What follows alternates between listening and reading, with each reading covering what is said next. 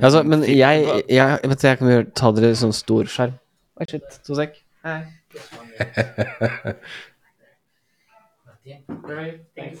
Kom det pakke på dere nå, Martin? ja, er helt riktig. Bare dundra inn her. Kan, du, kan vi få live unboxing av hva som kom, kom? Da har vi fått en pakke i studio her, dere. Og Da er det en pakke, faktisk. er spent. Så skal jeg pakke den opp. Skal vi, kan vi få lov til å gjette? Kan vi få lov til å gjette for? Ja, vær så god. Kan de få ca. prisrange og størrelse? Vi snakker 20 ganger 30, kanskje? 20 ganger 40? Ah, ikke så mye engang. jeg vet ikke hva målene på den er, da. 15 ganger 20, 15 ganger 20. Vi ser størrelsen og hva prisklasse var. Den veier 0,2 kilo. Mhm. Prisklassen, eh, hva var det? Ja, skal vi si at det er 700 kroner, kanskje? Røftlig? Ok, ok. Jeg eh, er, er det noe teknologisk? Kan vi få vite kategori? Siste hint? Ja, det er, det, det, det er kategori Altså, det er i kategorien teknologi, på en måte. Men det er ikke sånn at det ligger en teknologisk duppeditt inni her, men det tilhører teknologi. Det er en accessory. Ok, ok, ok. Vetle, har du lyst til å gå først her? Hva tenker du? iPhone case. iPhone iPhone case? Ah, 700 for en iPhone case. Litt for stor pakke, egentlig.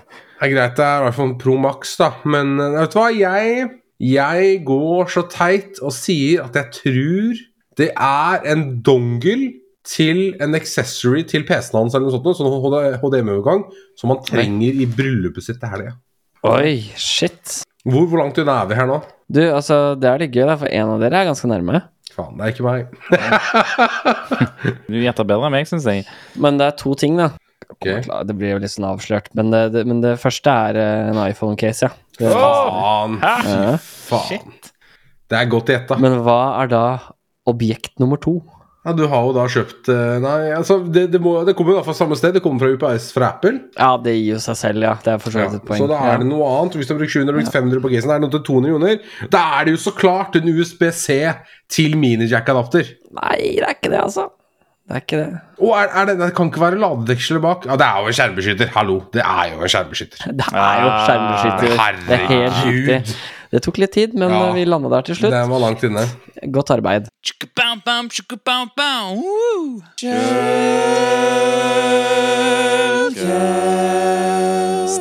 Hei og velkommen til episode 0x30D av Shellcast. Jeg heter Vetle, jeg jobber som pentester, og du finner meg på Mastodon som at eh, bordplate at infosec.exchange. Shit, det, jeg heter Martin, og jeg er ikke riktig den lista her. Det er egentlig deg, Melvin.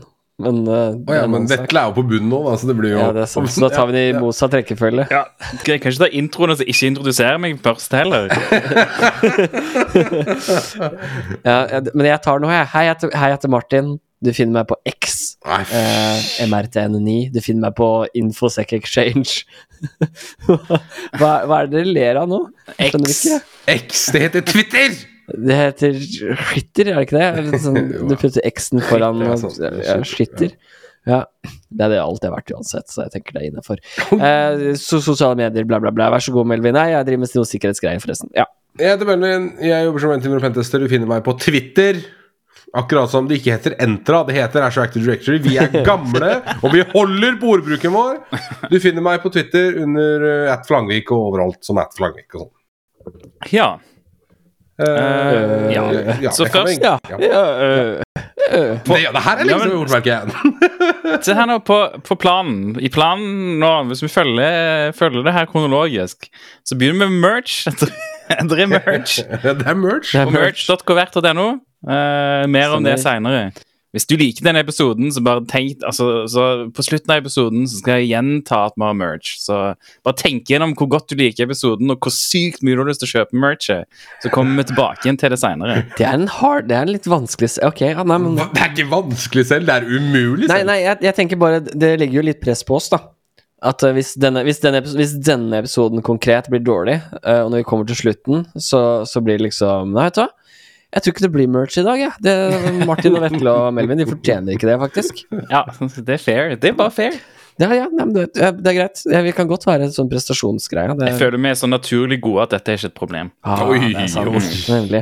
Og det er cocky også. Det, det er sånn som Det er, som, det er som vi sier, det er quality, ikke quantity, når det kommer til episoder. Ja, ja, ja. ja, ja, ja. ja, ja. Vi er der. Til eh, alle lytterne der hjemme som har savnet podkasten. Vi går nemlig for eh, kvalitet fremfor kvantitet. Riktig. Derfor så lager vi en litt halvcrap episode. annenhver episode.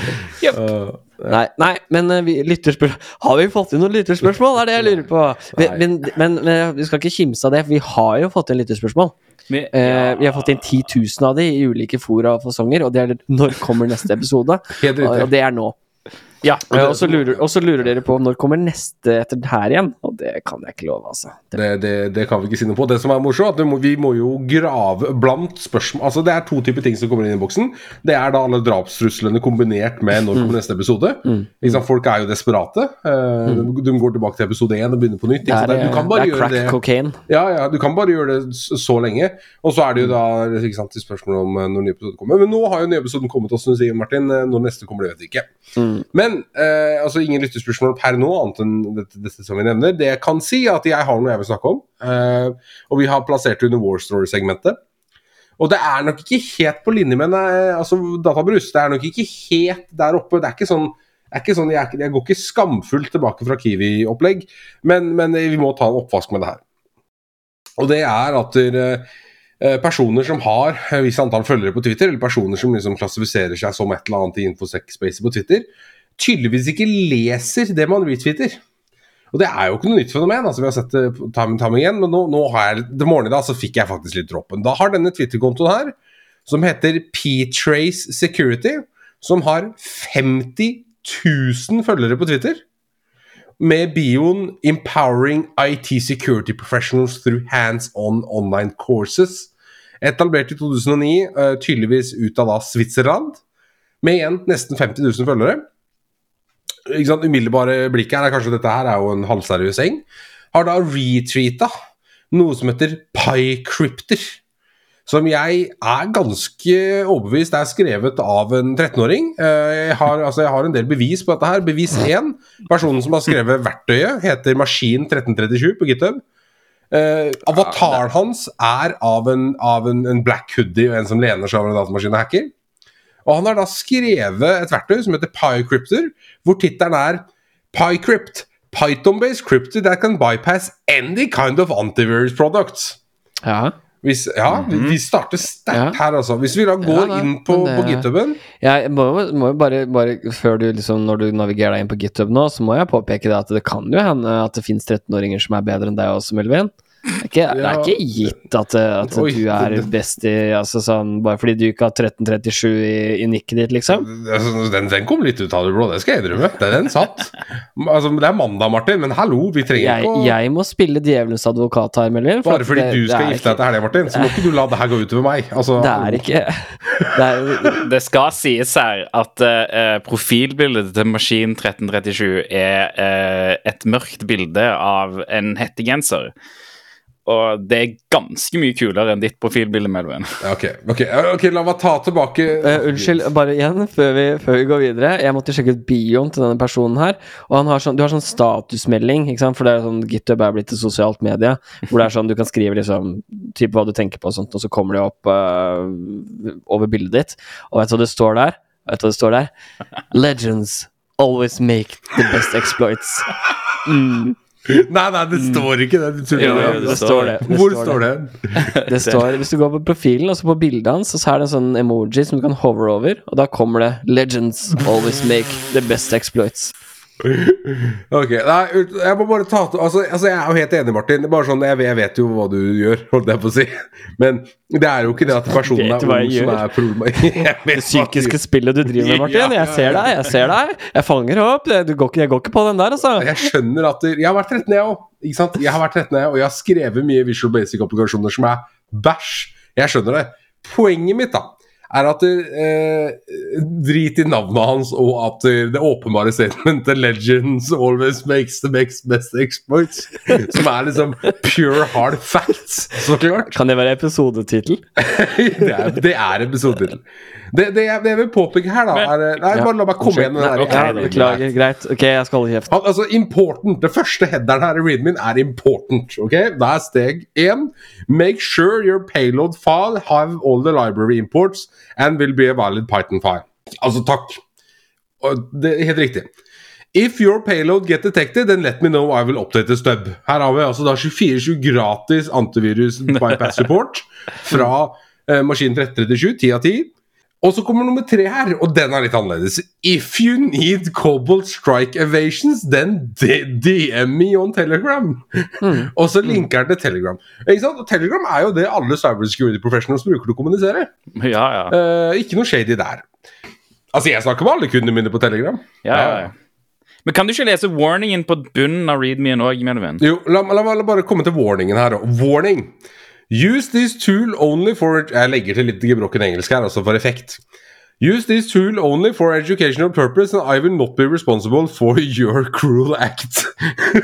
Ja. På slutten der, ja. Og features er jo da FUD 0 av 40, bypass any EDR, lightweight crypter, very small and simple crypter. Ja, unnskyld, Martin. Ja, nei, jeg, jeg, jeg så jo demovideoen først. Ja, du gjorde det, ja. Det, og det, han tar den jo opp med bandicam. Helt riktig. Altså, det er jo så nydelig! Helt riktig. Det er jo det er sånn tilbake til tekst i notepad-tida. Fy Helt faen. riktig. Legende. Legende. Jeg skal, jeg skal ikke altså, bare, altså Det som er interessant, her er at dette er jo ikke sånn at han tester denne maskinen i en VM. eller sånt noe. For Hvis du ser bookmarksa på Firefox-instansen hans her, så har han jo da bookmarka en haug med Google Dorks. Blant annet en referanse til education.china. Så jeg vet ikke, jeg. Det, altså, det kan jo altså, Det er mye legitimt her. Ja, men Melvin, det er jo kun til educational purposes. Kanskje han lærer seg kinesisk? Ja, ja, altså Godt hende. Det, kan jo, det er jo et verdensspråk på det punktet her. Det er jo litt som å lære seg russisk. Det er jo kjempesmart. Jeg skal ikke ta noe på det. Uh, så, så det han, han har også da en bookmark som heter 'How to sign my EXE'. Altså Det er mye bra her. ikke sant? Altså, no judgment, jeg tar det. Men det, den legitime kritikken jeg vil gi til da maskinen 1327, hvis du hører det her, er jo det at hele pie-crypteren hans er da 40 linjer med kode der han kjører OS-kommandoer på pip for å sjekke om Colorama og Termcolor og Pilestyle er installert. Det er de første 40 linjene etterfulgt av ASCII-art, hjelpemeny, og så har den da payloaden sin. Payloaden finner du på linje 142, og det er da en, en Python one-liner som X-ord dekrypterer Python og kjører det med eval. Det er krypteren hans. Det er så, det er så gøy også godt å tatt en liten runde i reaponet til Melvin. Så sett hvor mye av det som er skjørt. Hvorfor skal du gi, hvorfor skal du gi meg en hard time å flame her? Ja, nei, men det er en bra video, for så vidt. Jeg, jeg liker det. Så det er note, det er, han skriver i notepad. Den er ulagra dokument. Det er eh, ja, How to Visual Studio for free og Adobe Photoshop, crack keygen på YouTube og sånn. Men det er greit, men poenget mitt er at jeg vil ikke shame en up and common security researcher. Problemet mitt her er at der, jeg, jeg vil ikke at en Twitter-konto med 50 000 følgere som kommer til å dukke opp på min feed, trenger ikke å retweete det her.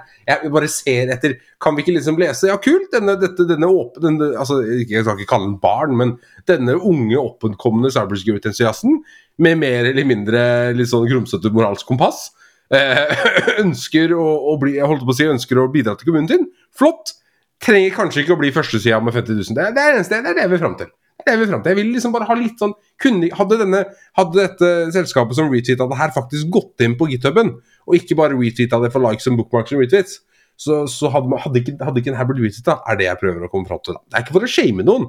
Selv om det er veldig mye morsomt her, så er, så er det ikke sånn Det er ikke vær slem. Ja, nei, jeg er helt enig. P-Trace Security er jo noen som dukker opp eh, ganske ofte på diverse Ja, eh, pentest-søk. sant? Jeg følger det ikke. Det tror jeg er en grunn til. Om ikke noe annet, så, så drar de jo ned sitt eget rykte når de som faktisk går inn og klikker og leser det her, skjønner at dette er liksom Men, men det jo, hadde vært en gøy øvelse å se på, for det er jo lett å le av det. Men, øh, men øh, det er veldig gøy å se sett på hva den koden egentlig Det er jo basically Det er ikke mange tegn med kode der som Nei, blir øh, Som blir Men han evaler det jo ikke Eller han writer det til en Han writer det til en stub.py.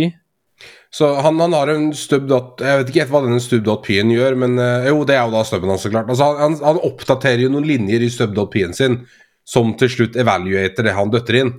Uh, og stub.p er jo ikke her, ikke sant? Det er jo det er outputen hans. Så han Ja, er oppdaterer ja, ikke mannen. Hele stub.p er bare 100, linje 150. Som er en one-liner som Exor dekrypterer Python-duganen, og så bare evaluerer dritten. Ja, dette er exo-obfuskering. Dette er jo ting Dette er Ikke sant, så det er jo ikke noe krypt. Ja, Exor er vel teknisk sett fortsatt kryptering, er det ikke det? Like mye kryptering som en Cæsar Cypher er, liksom. Ja. Rot 13. Ja, altså, meste, meste kryptering bruker Exor, da, men, men det er jo ikke det ene eller det andre. Så Det er ikke obfuskering. Ja, det, er, det, er ikke, det, er så dårlig, det er så dårlig kryptering at det kan beregnes som obfuskering. Dit kan vi gå. Ja. Men, eh, men det er det samme, da. Poenget mitt er bare Ja, kult at du har fått til det her. Repo har 255 stjerner nå. Kult. Alt er bare, det jeg vil fram til, er bare at dere kan ikke disse store Twitter-kontoene som har 50 000 følgere, vær så snill å lese gjennom dritten de retweeter. Det er det eneste jeg vil Ja, det, altså, for dette her er på en nivå Dette kan du få ChatGBT til å skrive. Altså, Ja, dette kan ja. du bokstav Dette, Det er dette er innenfor token-rangen. Plutselig du kan lett lure det moralske kompasset til ChatGPT til å få, det, få den til å lage Ja, dette. uten tvil.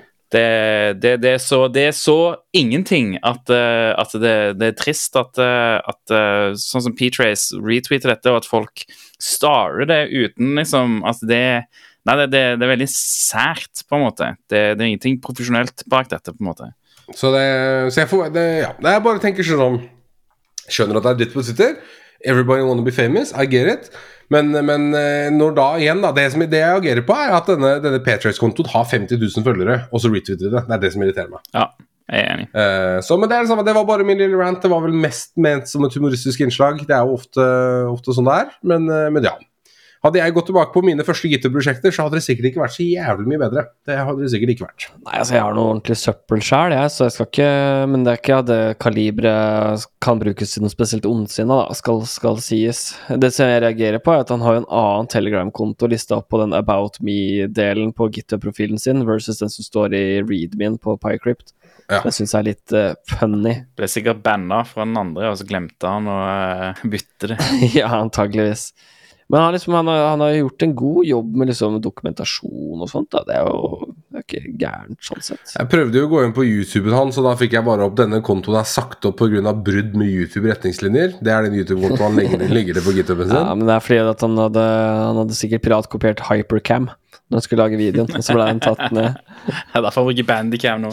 ja, det er derfor jeg bruker Bandicam. Eh, Instagrammen hans heter Invisible Clay 100.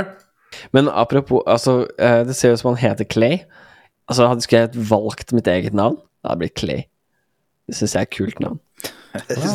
Clay. Ja, Clay, det syns jeg er et kult navn. Det høres ut, det høres ut som Det, det høres ut som et fake navn, syns jeg. Ja, det er sant. Det høres ut som du prøver å si et navn, og så blander du med et annet. Og så er det sånn Clay. Clay. Hva heter du? Clay? Nettopp. Han har jo også Han har jo Det er litt sånn propaganda til diverse hackergrupper, bl.a. publisert kildekode av ransomware på Instagram og sånn, så jeg vet ikke. Men, eh, men, men vi, vi er ferdig med den. Det var, det var eh, komediske effekten jeg var ute etter. Eh, Det var ikke meninga å shame vedkommende, men eh, det var litt, det var litt morsomt, da. Han har jo Altså, han har jo repor PyFud.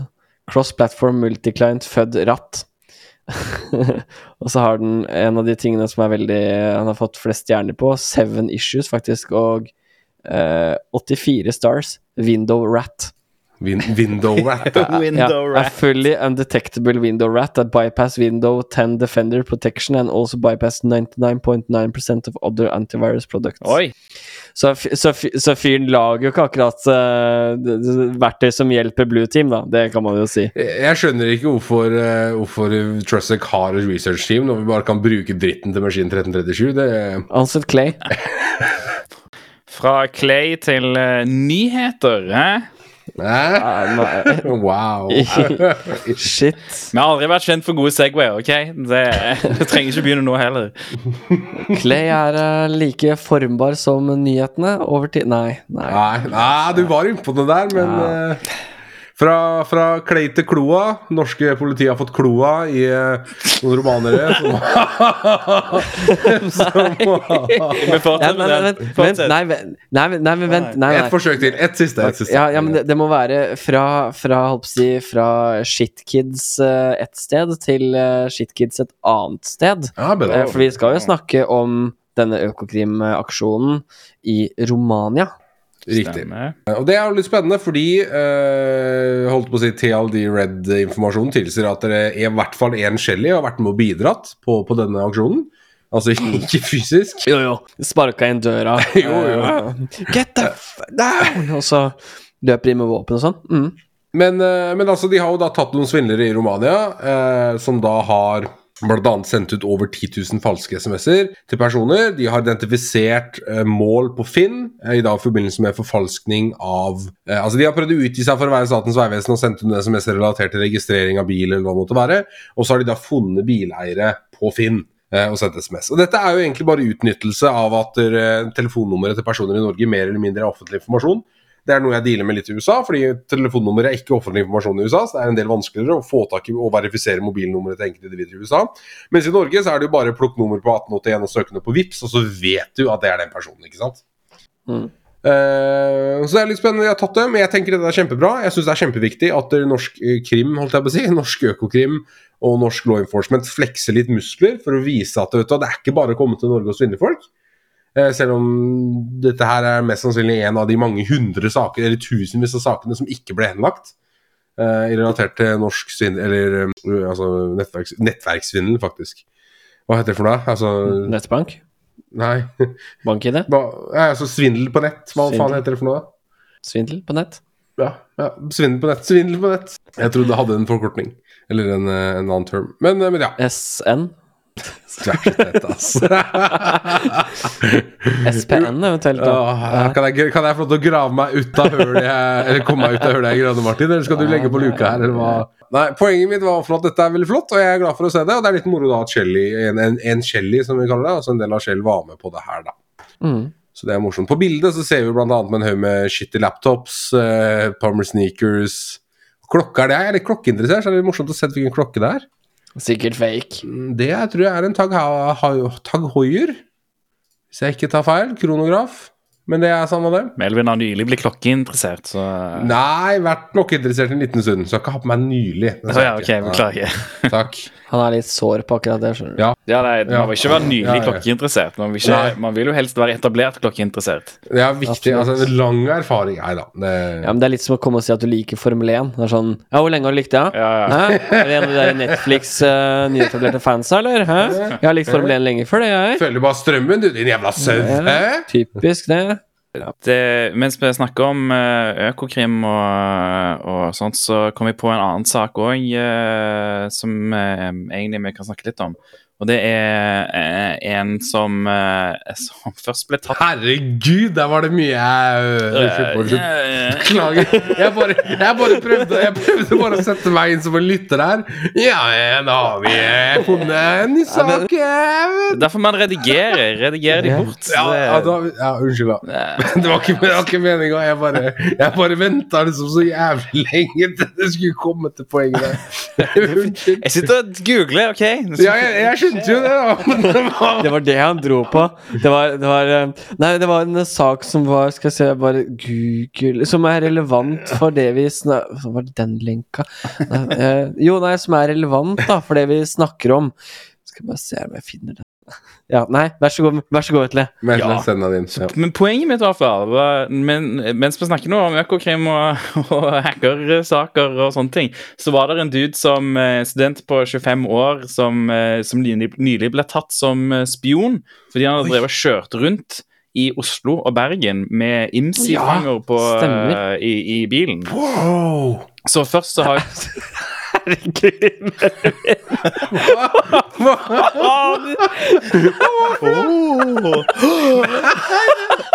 Nei! Ironisk! Bro, det var ikke ironisk!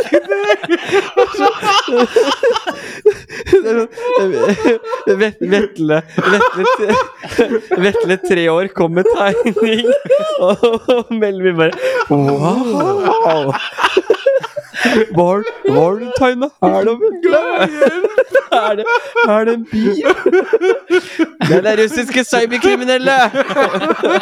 Det verste var at det var ikke ment ironisk i det hele tatt. Jeg var genuint interessert. Fy faen, for en banger av episode det her blir. Jeg kan si med en gang. Jeg syns synd på de faktisk tekniske som kommer til skillkast og hører på det tekniske. Og unnskyld. Nei, men altså, fra, fra spøk til revolver, det var en veldig interessant, interessant historie. Vi kan fortsette, Vetle. Ja, ja, nei, hvor var jeg? Eh, nei, denne studenten ble tatt av eh, PST som, uh, som spion i utgangspunktet. Og så uh, tror jeg det er en litt sånn seriøs anklage å få, få over seg. Så han har i stedet for innrømt at nei, han prøvde bare å svindle folk. Men det han har gjort, da, er at han har hatt IMSI-fanger i, i bilen, og så har han plukka opp signaler rundt der han har kjørt. Og så eh, har han sendt tekstmeldinger til de uh, som han har plukka opp, som basically bare er phishing-forsøk. Som jeg, jeg syns det er veldig, veldig Altså, som Jeg skal si det, det er kult at han kjører rundt med en IMSI-fanger. Det syns jeg er teknisk sånn Det er en kul hack, på en måte. sant? Eller uh, litt sånn uh, cyberpunk-kriminalitet. Men i dag så er det jo såpass Altså, det er nok av sikkerhet på, på, på mobilnettet, på en måte, til at Eller på alt man gjør. Til at det, er liksom ikke Du får ikke fange opp så mye med en IMSI-fanger, selv om du får fange opp trafikk. sant? Alt Du kan, du kan kanskje lese SMS-er og sånt, men det er ikke sånn kjempenyttig sånn egentlig. Du må fortsatt fishe noen. Du kan ikke bare du kan ikke bare sende de en te- Du kan ikke bare ehm, se alt av trafikken de holder på med, f.eks. mobilen. Du kan ikke bare Nei, nei. ikke bare injekte deg sjøl inn i stuff. Så, du fortsatt, så han var fortsatt nødt til å sende ut phishing-SMS-er og få folk til å trykke på fake lenker. Og kanskje han kan bypasse liksom to FA over SMS, men, men that's it. Men han har jo ikke heller noen garanti for at noen er innenfor rekkevidde med eh, lenge nok til at han kan plange og fange opp tofaktor-SMS-er. Nei, men Jeg tror ikke det var poenget. Eller jeg tror det var bare jeg vil sende en SMS. Jeg vil deliver en SMS til disse de telefonene som er i nærheten, uten å gå via tradisjonelle SMS-gatewayer og sånt noe. Ja, jo, jo. For så vidt jeg skjønte, var jo at når telefonen da connecta seg til IMSI-catcheren, så sendte IMSI-catcheren en SMS eh, altså via det nettverket de hadde oppretta, da, Ah. til den telefonen. Så at da unngikk du hele problemet med at eh, ja, som sagt, du må skaffe deg, du må skaffe deg en SMS-gateway, du må betale for Mm. sånne ting. Så i teorien så er det mye, mye altså Bortsett fra at IMSI-catcher garantert koster noe penger å lage, da, så er det jo et veldig sånn enkelt uh, enkel måte å da i teorien omgå uh, omgå liksom at du blir busta av Twilio eller andre tjenester man bruker for å sende SMS. da. Det er godt poeng. Uh, Så, så sånn sett, og siden det var, slik jeg forsto det, så var det jo kun økonomisk motivert. Det var ikke sånn at han var uh, ute etter å spionere, det var kun, han gjorde det kun for å tjene cash, liksom. Eh, så da Jeg syns det er utrolig fascinerende. Um, Ja, for jeg syns det er litt sånn rått at noen faktisk gjør det i Norge. Har jeg lov til å være ja, ja, nordmann nei, og si det? nei, jeg er helt Ikke enig. Ikke at vi oppfordrer til kriminalitet, altså. Det Nei, nei, bare, Jeg, jeg oppfordrer kult. til å gjøre dette her i Norge. Nei, men, men jeg tenker det poengterer at det skjer. Og det, det er jo et fint poeng, ting å være realistisk og- overfor. At ja, vet du hva, det fins faktisk folk som kjører rundt i Norge som har onde hensikter. For vi har vært litt sånn um, Man liker å si at nordmenn er naive, men, men jeg liker å si at vi har en høy grad av tillit. Vi, vi, har, vi har liksom en høy grad av tillit til at alle rundt oss vil oss vel, og det er ingen i Norge som, som vil oss noe vondt. Så jo, det er faktisk det. De kjører, de, da duden kjører bak deg nå, liksom. Eh, Så det det er veldig interessant, syns jeg. Veldig, veldig kul bruk av den teknologien. Men også veldig kult at vi klarer At vi har et, eh, et eh, Altså at vi har et politi som klarer å oppdage det, og fange det, og finne ut nøyaktig hvem det var, og buste den personen. Det er jo helt utrolig. ja. Og, og for å være helt ærlig, det, det hadde jeg ikke forventa. Etter Aftenposten uh, sin uh, store sak Ja, om IMSI-fanger og sånne ting, så, eh, så har nok det forbedra seg uh, masse siden den tid, tenker jeg. Ja, ja, Det er nok det som gjør det. Ellers hadde nok ikke Ja, ja. blitt plukket opp, vil jeg trodd. Ja, og jeg, min paranoia vil tilsi at det er at man har sensorer rundt omkring som gjør at man kan catche sånne ting. Mm. Altså, det ville vært logisk at man har en eller annen sånn boks stående rundt, altså, som stående rundt omkring et slags nettverk som kan fange opp om, om det er en enhet som prøver å, prøver å spoofe mobiltårnet, liksom. Jeg har jo vært totalt forbausa at noe, noe som helst form av law enforcement i Norge noen gang ville oppdaga det der. Det forbauser meg omtrent like mye som at noen faktisk har kjørt rundt i en bil og gjort det. Ja, ja, det er et godt poeng. Hvis han ikke hadde kjørt i Oslo, så altså, hvis han bare hadde kjørt i Bergen, typ, hadde han klart, hadde han blitt oppdaga da? Eller, hadde, eller er det fordi han kjørte rundt i Oslo, liksom? Jeg tror ikke han har blitt oppdaga. Nei, jeg forsto det som at han, det var jo ganske detaljert kart fra Oslo, nei, fra, fra Bergen, og hvor han hadde vært den. Mm, ja, det er sant. Så, så min forståelse er vel at de har ganske god innsikt i både Oslo og Bergen. Men eh, så er spørsmålet hva hvis det hadde vært Altså, bilen har jo forflytta seg fra Oslo til Bergen, antar jeg. Eller om han har flydd, eller hva, hva han har gjort for noe. I hvert fall transportert eller kommet seg en eller annen vei, da. Så, så er det klart um, altså, Dette er jo sammenlignet med sånn war driving eller lignende. Sånn, det, det er så gøy, for dette er ting, du, sånn, ting jeg har lest om i sånn eh, gamle hackerbøker om sånn, ja, war driving og sånne ting. Det skjer jo aldri lenger, ikke sant? Men så er det hender da, det er en eller annen fyr som kommer på en eller annen idé om at man kan gjøre det med blåtann eller whatever, og som warwalking og, og sånne ting. Eh, og, og så liksom sånn Ah, shit, what's all this new again? Og det her er litt sånn, litt sånn da. Ja. Så det, det syns jeg er interessant. Hvis vi snakker om wardriving og, og sånt, i fjor på B-side så var det jo en som hadde foredrag om akkurat det med Bluetooth og, Ja. og, og ja, sykle rundt, sykle rundt i Oslo og samle opp eh, Bluetooth-adresser og sånne ting. Og det var vel en som skrev en master eller noe sånt om, eller bachelorgrad eller hva det var for noe. Han snakka jeg med på LinkedIn. Unnskyld hvis du hører på, jeg vet godt hvem du er. Men eh, nei, for der var det wifi. For å se etter, se etter åpne Jo, nei, det var rett og slett om han klarte å knekke wifi um, uh, Altså om det var pre-shared keys, eller om det var VPA2, eller hva det var for noe. I hvert fall han testa, testa det, da. Bjørn Martin. Ja. Bjørn Martin Hegnes var det. Yes. Stemmer. riktig. Beatsides 2022. Ja, og han gjorde tror jeg, samme greia på Wifi, tror jeg. Uansett, veldig, veldig kult. Men dette er jo kjempebra, for det betyr at vi kan endelig uh, ha, få mer og mer liksom, uh, faktisk materiale, og for å bevise at fysisk sikkerhetstesting i Norge er mer og mer relevant. da. Ja. Hvis personer i Norge tør å leie seg leiebil og kjøre inn til Oslo og begynne å, eh, sniffe mobiltrafikk. Mm. Mm. Så det, det er kult. Men, altså, det er ikke bra, men, men, men, men det er kult. Uh, og igjen, li, omtrent like forbausa om at no, norsk politi catcha det her som om at noen faktisk gjorde det. Mm. Nei, nå som vi er over på uh, B-sides uh, Nå har det vært Sikkerhetsfestivalen, det har vært uh, Kins Tech og uh, Sikkerhetsmåneden. B-sides Oslo òg var i september. Det har vært mye konferanser nå.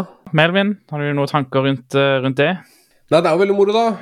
Sikkerhetsfestivalen var vel eh, 400 personer mer enn det det var i fjor, og det, det merkes jo. Det har jo. Jeg mener jo nå at det har blitt Norges største samlingsplattform for informasjonssikkerhet i Norge.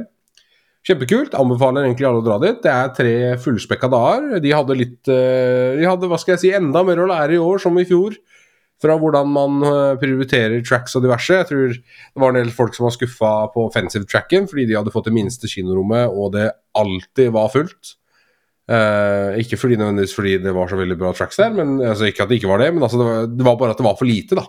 Så de personene som først fikk seg seter, jo da bare sittende, fordi de visste at hvis de gikk ut, så kom de aldri inn igjen. Mm. Og så, så det var et problem, vet jeg. Eh, også, men annet enn det så syns jeg, synes jeg det var moro og bra. Må jo applaudere det at det var offensive track i år, for det var jo Ja, en ting som. Når vi dro derfra i fjor, så var det, så var det liksom veldig tydelig at bare, ah, dette her må vi jo ha. Eh, så jeg snakka litt med Einar, blant annet, som, som sitter i styret i ISF, og liksom påpekte at kanskje vi burde ha et som er, er teknisk, og som er samler de som har driver med offensiv IT-sikkerhet. da. Eh, for at det, er, det virker som at det er eh, publikum for det. Mm. Eh, og det har jo vært litt sånn tradisjonelt sett, har jeg skjønt på ISF også, at de har opplevd at de har blitt veldig sånn GRC, eh, veldig sånn high level, eh, og at man gjerne ønsker et publikum som er som, ja, eller ønsker å catere til et publikum som også er litt mer teknisk interessert og ikke bryr seg så mye om, om GRC eller hva det enn måtte være. da. Eh, Så, så det følte jeg vel kanskje at de, eh, de tar det seriøst. Det er det som er kult, eh, og, og jobber på en måte mot, mot å få til det. da. Så det begynner å bli en sånn veldig allround, kjempegod konferanse. Jeg var dessverre sjuk. Jeg skulle holde to foredrag av alle ting denne gangen, og så, så fikk jeg ikke muligheten til det. Men jeg vet at det var du, Melvin, som dekte for meg på den ene. Jeg tror både jeg og Ragnhild uh, tok en ekstra. Jeg holdt to, Ja, og det Ragnhild holdt to for å dekke opp for deg. Så det, det gikk fint. Men det er som du sier, de skal få absolutt uh, applaus for forbedringer siden i fjor. Og så kan man alltid gjøre forbedringer ytterligere. Men som sagt, i my opinion, fortsatt den største eh, samlingen, og, og opplegget deres har vært bra. Det er alltid morsomt å ta over Lillehammer by Ja. uh, som en sikkerhetskonferanse. Eh, så, så det blir spennende å se om de kommer til å forlate Lillehammer, om de bare fortsetter å vokse. For de har ikke plass til mer. Altså Nå er, nå er det maks, var sånn jeg forsto det. Ja, det fins et argument for å ta det til Oslo. Hvis de klarte å ha OL i Lillehammer, så klarer de å ha eh, sikkerhetsfolk i Lillehammer. Ja, men nå, nå er det noen år siden OL i Lillehammer var, da. Det, det, var ikke, det var jo ikke mer enn et par hundre folk da. Nei da, men det, altså, vi var jo vi var jo 1500 personer nå. Uh, og den matsalen vi var i oppe på hotellet, har ikke plass til stort flere. Og de skal servere flere. Og det var jo, folk hadde jo booka hoteller halvtime unna Lillehammer for å få overnattingsplass. Ja, tapere. Sa Vetle, vel å merke. Det sånn Det jeg prøver å si, det er spennende å se om de aksepterer at 1500 er maks, eller om de da skal prøve å gjøre et eller annet for å vokse ytterligere. Uansett så er Sikkerhetsfestivalen en superfavoritt. Jeg var jo ikke på B-sides, for det krasja jo med Kins. Så jeg dro, dro heller på holdt foredrag på Kins, det var veldig morsomt. Eh, hvordan var B-sides i år? Var det godt oppmøte og bra levert? Det var kjempebra. Det var ingen tekniske problemer i det hele tatt. I hvert fall ikke eh, under keynoten. Og de var i hvert fall ikke min feil. Ok, Så det du prøver å si at det var en haug med tekniske problemer relatert til Ja, det var ett opptak. det var et teknisk problem. Eh, Og det var at det ikke var lyd. Nei.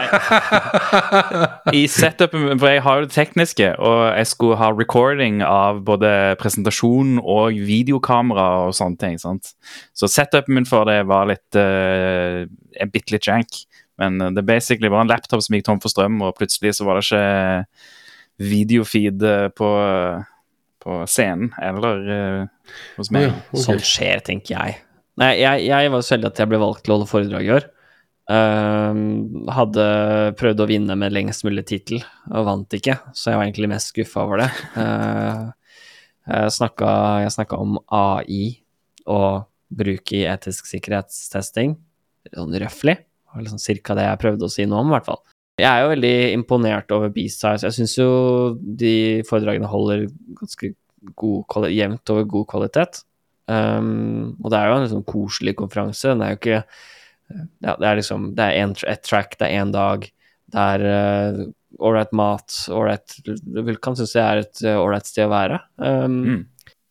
Men um, uh, Ja, nei, egentlig menn, sier jeg. Det er egentlig ikke noe menn heller. Uh, jeg sy- syns det var veldig gøy å være med. Jeg var ikke, var ikke på langt nær fornøyd av foredraget mitt, men uh, sånn er det når man ikke gjør en god nok innsats på forhånd. Da blir det, ikke så bra som man skulle ønske. Så sikkerhetsmåneden nå har jo egentlig bare vært eh, supermoro. Det er eh, et foredragsmaraton, hvis man velger å takke ja. Noe som er moro. Eh, jeg gikk borti Jeg holdt på å si ikke at man skal snakke så mye om det, men i fjor så var jeg jo med på den der dugnadsnettsida til Hva heter det for noe? IFS? Norsis. Norsis. Ja.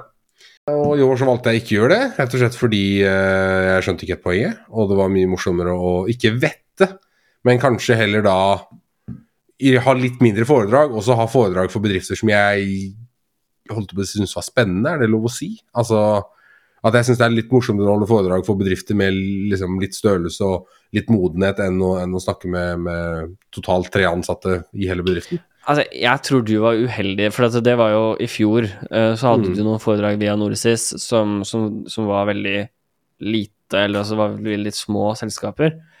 Eh, min erfaring har jo ikke vært det. Altså, jeg, de, de gangene jeg har holdt foredrag, så har det vært for en god del mennesker. Um, holdt på å si ulike former og fasonger. Men, um, eh, men man har jo lov til å si nei, da, Melvin. Jo, jo, det var det, men jeg føler jo Ja, man har lov til å si nei. Eh, og så var jeg vel ikke så fan av Holdt på å si, jeg er vel ikke noe vi trenger å ta på en podkast i det hele tatt. Men eh, jeg var ikke sånn kjempefan av at Norsis tok seg betalt for å videresende en e-post til meg. Det var liksom ikke helt det jeg eh, Det var mange, det var flere bedrifter som også Å ja, så det er ikke til deg, liksom. Det er ikke noe sånn eh, Hva skal jeg si eh, Faen det var ikke noe sånn eh, sum for å være en sumopplegg. Nei, det ble Norsis. Og det er helt fair for så vidt. Eh, Hva vet jeg hva de gjør? De gjør jo mye i Norge. Men, eh, men ja, så det var akkurat den betaler 1000 kroner eller hva det var for at de skulle videre sende e-post til meg, og så tar jeg resten. var litt sånn, nei, Da kunne jeg like å bare legge ut profil på LinkedIn. Men sikkerhetsmåneden har, har sikkert også vært en kjempesuksess i Norge som den var i fjor. Det er uten tvil blitt en trend at bedrifter online i Norge skal ha et eller annet opplegg under sikkerhetsmåneden. Om det er foredrag eller workshops eller hva det måtte være. Og fikk lov til å, I år så fikk jeg lov til å dra opp til Trondheim og ha workshop med IRT-teamet til Athea. Jeg hadde foredrag for, eh, for Sparebank1, for Multiconsult, for uh, firmaet som heter Point Taken, og et til som jeg nå glemmer. Gud, jeg er dårlig på navn. Ja, det var veldig moro, i hvert fall. Og så fram til å gjøre det i år, og det er alltid morsomt å få respons på, på å gi folk innblikk i en hverdag som de ikke vet alltid eksisterer engang. Så det var moro. Ja. Kult. Det skal sies da at Norsis er non-profit, i hvert fall. Ja, ja nei, det, det, var ikke, det, var ikke, ment som en sånn der nei, plugg mot Norsis, men uh, ja, det var derfor jeg valgte å bare legge ut på LinkedIn Også. Men jeg, jeg, kan jo si min erfaring fra i fjor, når jeg, hadde, når jeg var på Norsis uh, sin side der, så uh, holdt jeg foredrag for noen som var sånn seks stykker. Mm. Og uh, et annet foredrag som var sånn et selskap som skulle ha samlingen sin, sånn, sånn årlig samling, som, der de bare fant noe random greier til å ha, liksom, til å ha et foredrag på begynnelsen av, uh, av, samlingen sin. Som er litt sånn Det er ikke helt Jeg tror ikke det er helt det som er poenget med, med sikkerhetsmåneden og de foredragene. Det er litt sånn spes, men hvis noen har lyst til å holde foredrag, så anbefaler jeg gjerne å bare legge seg inn på Norsis uh, i sikkerhetsmåneden. Nå er det litt seint denne måneden, men uh, neste år så er det òg oktober og sikkerhetsmåned. Hvis du har noe du har lyst til å snakke om, så er det bare å legge deg inn der. og så, så er det ikke noe det er ikke, ja, Du trenger ikke å være dritgod heller. Hvis du har noe du har lyst til å fortelle og lære bort, så, så er det bare å legge det inn der. Ja, og så er det jo ingen som tvinger deg. altså hvis, hvis, du, altså De vil jo gjerne at du faktisk er tilgjengelig, da. Men hvis du sier at det er tydelig på det at nei, jeg vet ikke hvor godt det er å ta imot at sånn Jeg vil ikke holde foredrag for dere, for dere er for få mennesker. Men hvis det ikke passer, så passer det jo ikke. Ja. Så, så, det er på en måte fair. Jeg ser, jeg ser jo at det høres jævlig høres litt sånn oppstase ut. Liksom. Nei, dere er for få til å gidde å holde foredrag for. Det skal jo ikke være konseptet. Nei, men, men, når du skal reise rundt og sånn, fordi hvis jeg ikke husker feil, så ville jo du at du skulle komme fysisk. Ja, uh, og det er klart, det, det, er jo en dugnad, og, da, og er, vi, vi, skjønner jo selv at det, måte, det er investi, det er jo, Man kan kalle det branding og markedsføring og sånne ting, da, men, men vi tar jo fri fra vanlig jobb for å gjøre det. Mm. Det er ikke sånn at vi får betalt. Uh, så, så, da er det jo på en måte greit at uh, ja, at det i hvert fall kanskje lar seg kombinere med noe annet. da, eller at sånn, ja, ok, jeg holdt et foredrag for dere, dere er få mennesker, men samtidig samme sted, basically i Oslo, så, så snakker jeg med et annet, noen andre. altså Sånn at man klarer å ja, uh, kombinere det på en sånn måte. Det var det jeg gjorde i år, at jeg bare satte av en uke og bare var i Oslo en uke. Og, og holdt på rundt, og levde på Fodora og på hotell for å fly rundt og holde foredrag. Mm. Så, men det er helt fair, det, altså. Så, men da, da, har dere hvis, da kan vi egentlig bare si at vi oppfordrer alle til å delta på dugnadsmåneden og holde foredrag. Og prøve å lage foredrag som treffer så mange som mulig, som er lett å, å dra inn i bedriften sin og levere noe verdi. Og, og, ja, det er det. Mm, kult. Enig. Men uh, det er jo ikke, er ikke sånn at jeg har fått, fått nok av foredragsholding, men noe jeg har fått nok av, det er nettfiske. Hvor nok har du fått av det, Melvin? Nei, du jeg har fått så uh, nok av nettfiske at jeg tror faen ikke jeg gidder å ta imot e-post lenger. Oi. Jeg orker ikke. Jeg skrur hele dritten av. Og det er ikke bare jeg som gjør det, for det er nemlig en norsk kommune som også fikk nok av nettfiske. Nå har ikke jeg lest meg opp på den saken her som kjempes, jeg skal introdusere den, og så skal jeg la den gå, men, men uh, det er da snakk om Indre Fosen kommune. Indre Fosen kommune, som er nå møkla i nettfiske. Egentlig bare si, vet du hva, vi gidder ikke å ta imot e-post. Mm. Give me a call. Mm. Mm. Da kan du ikke fiskes lenger. Nei, det er sånt. Can't get hacked if you don't use the internet. Altså, hallo, logic, yeah. logic is not flawed. Det minner meg om den derre Javazone, uh, eller hva det er for noe. Det er kanskje ikke Javazone, men det er han uh, Espen Eckbo spiller jo en rolle hvor han er sånn IT-sysadmin. Uh, og så liksom sier han det at jeg, jeg, jeg, jeg har ikke medarbeidere, uh, det er bare motarbeidere. Ja. uh, og, så, og, så, kommer han bort til en fyr og bare Du, jeg får ikke logga på serveren, jeg. Nei, det, den er jeg skrudd av. så altså, ja, da får ikke jeg jobba. Nei. men når du jobber, så får ikke jeg jobba. Så hvem er viktigst her, liksom? så, um, og så hva er det han kaller det? Er det sånn Eh, preventivt vedlikeholdsbehov, eller sånt noe. Så, at, så ja, i hvert fall det er litt sånn jeg opplever det. Altså, jeg må jo si Jeg vet jo ikke hvor godt dette her er jeg, jeg må jo anta at det er sitert riktig av Diggi. Jeg må anta det. selv om jeg skulle ønske jeg ikke kunne det. For det er jo Det de skriver, er jo et feiltrykk, og man sitter potensielt med en fanget kommune hvor alle systemer er låst ned og hacket. Altså så er det sånn Å, fy faen. Det er sant. Det er et feiltrykk fra IT. Det er sant. Det er et godt poeng, faktisk. Ja. Kanskje det er IT. Skulle bare ikke fått lov til å ha e-post. Skal alle de andre ha det? Nei, nei, jeg må jo si det. Altså, min knee-jerk reaction til det her var jo å, å le og tro at de må jo kødde. Det er jo ikke 1. april nå. Eh, det, det de har gjort, da, for å si det sånn, at de har utviklet en ny portal eh, som du kan logge inn på BankID med, hvor de vil at alle skal sende inn henvendelser til kommunen via det. Så da velger du så, basically et slags sånn saksbehandlingssystem, da, hvor du, du kan legge inn Så du kan ikke bare sende en e-post lenger, du må logge inn med BankID, verifisere hvem du er, og så kan du da sende inn uh, så blir det sortert til riktig instans. og sånt. De mener at det er et bedre alternativ enn dagens løsning rundt, uh, rundt e-post. Og så kommer jo da Elektronisk Forpost Norge kommer og sier at ja, men kommunen og offentlig sektor skal være tilgjengelig på de mediene, altså i viss grad på de mediene som finnes, og skal ikke være gatekept på, på noen måte. Og det man kan spørre seg om, er jo ja, men hva for de personene som prøver å få tak i kommunen, som ikke har bank-ID, f.eks. For, for det er jo ikke urealistisk at, at kan skje. Eh, og så kan man jo si hva man vil om det, akkurat den debatten gidder jeg på en måte ikke gå i.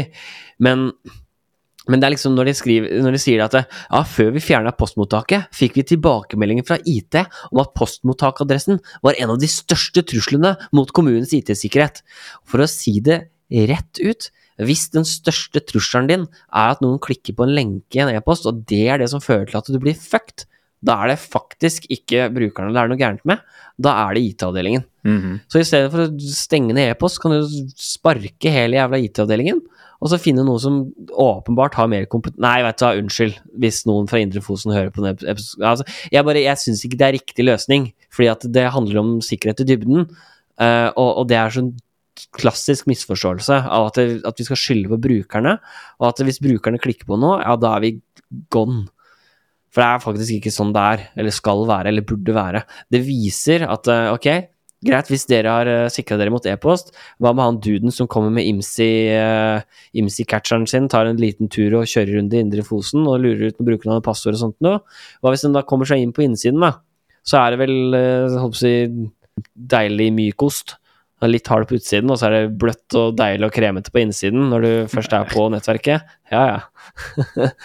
Ost og kjeks. Nei, men, eh, nei, men det er liksom Det, det, det, det, det hinter jo mot at de ikke har så god forståelse, eller de har litt rar forståelse av sikkerhet i dybde, vanlige sikkerhetsprinsipper.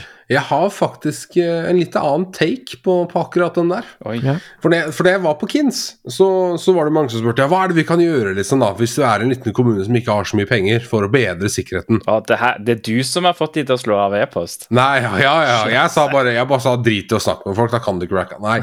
Jeg snakka med Jeg husker ikke hvilken kommune det var. Det var da formann for sikkerhet eller hva enn den kommunen. Og problematikken hans er at de er så små, så de har så lite ressurser. Så de har ikke eh, penger, og de har ikke den sånn som jeg snakker alltid om at ild, denne ildpersonen, altså hva heter det for noe, ild, ildsjelen, da, eller hva en sånn brenner for evne, sånn som vi har eh, Sånn som for eksempel da Shatlat Alexander i, i Horten kommune, kommune. som er liksom dømmes ild...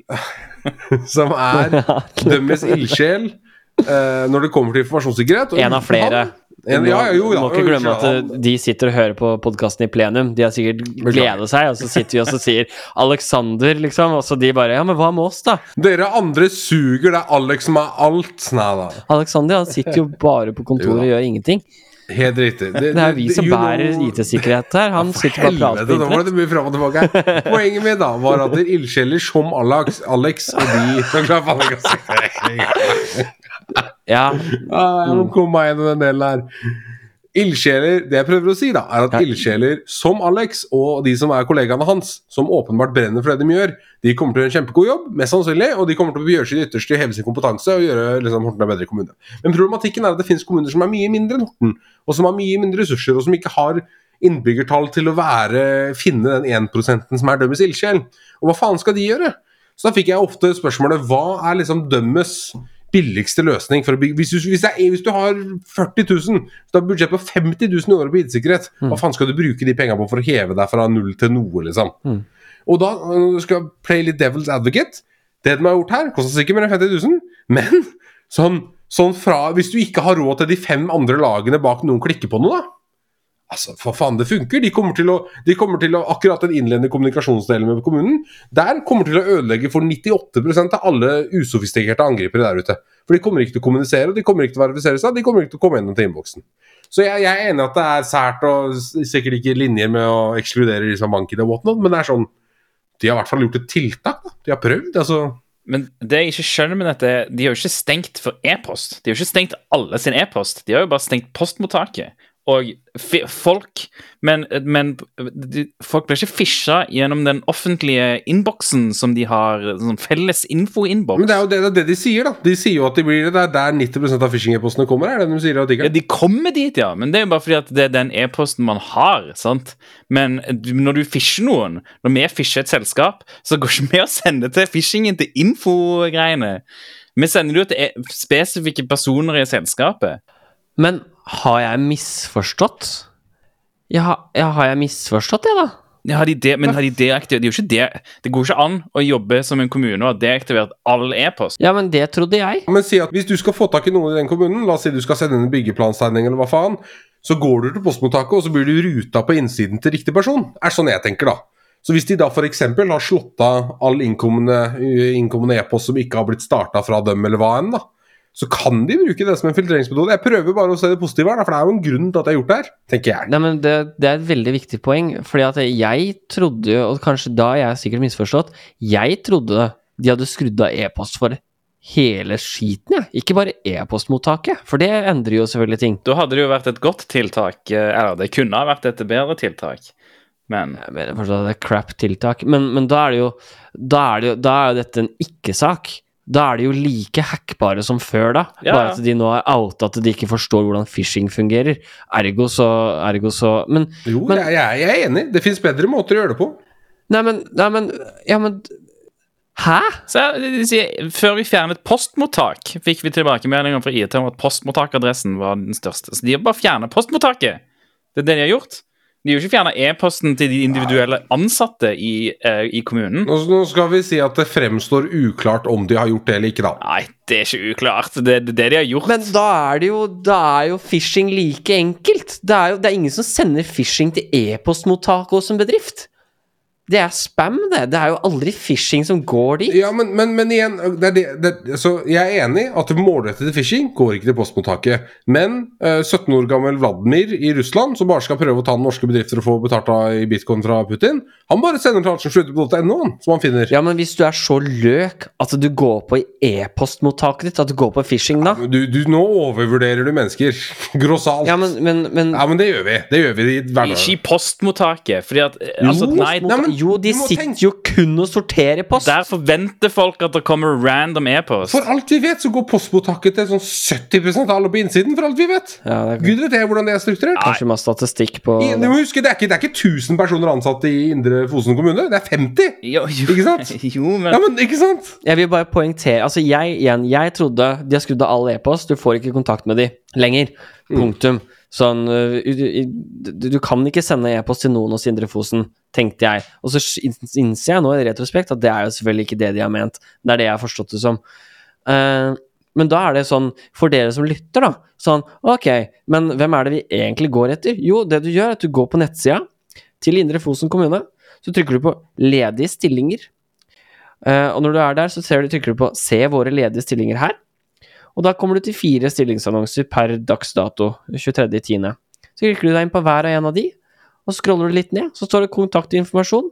Fornavn, punktum etternavn er tvindrefosen.kommune.no. Der er det fire Ja. stykker som du sender phishing til. De er enhetsledere i barnehage og litt sånn div- div-ting.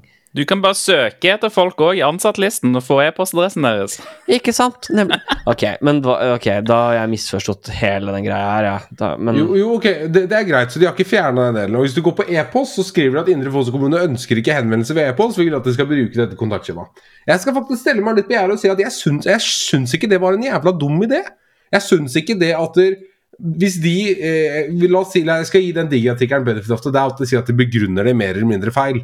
Hvis begrunnelsen for at de ikke ønsker at folk skal henvende seg til postmottak, er fordi folk sender sensitive ting, folk er tette, kommer, la oss si det kommer phishing-e-post, det er greit, eh, kanskje det blir videresendt, kanskje noe halvsofistikert Ved å da fjerne det her og gå til kontaktskjemaet og si at skal du kontakte oss, så må du ID-verifisere deg, så kan det godt hende de har redusert innkommende phishing med 70% Hvorfor er ikke det en god ting? Ja?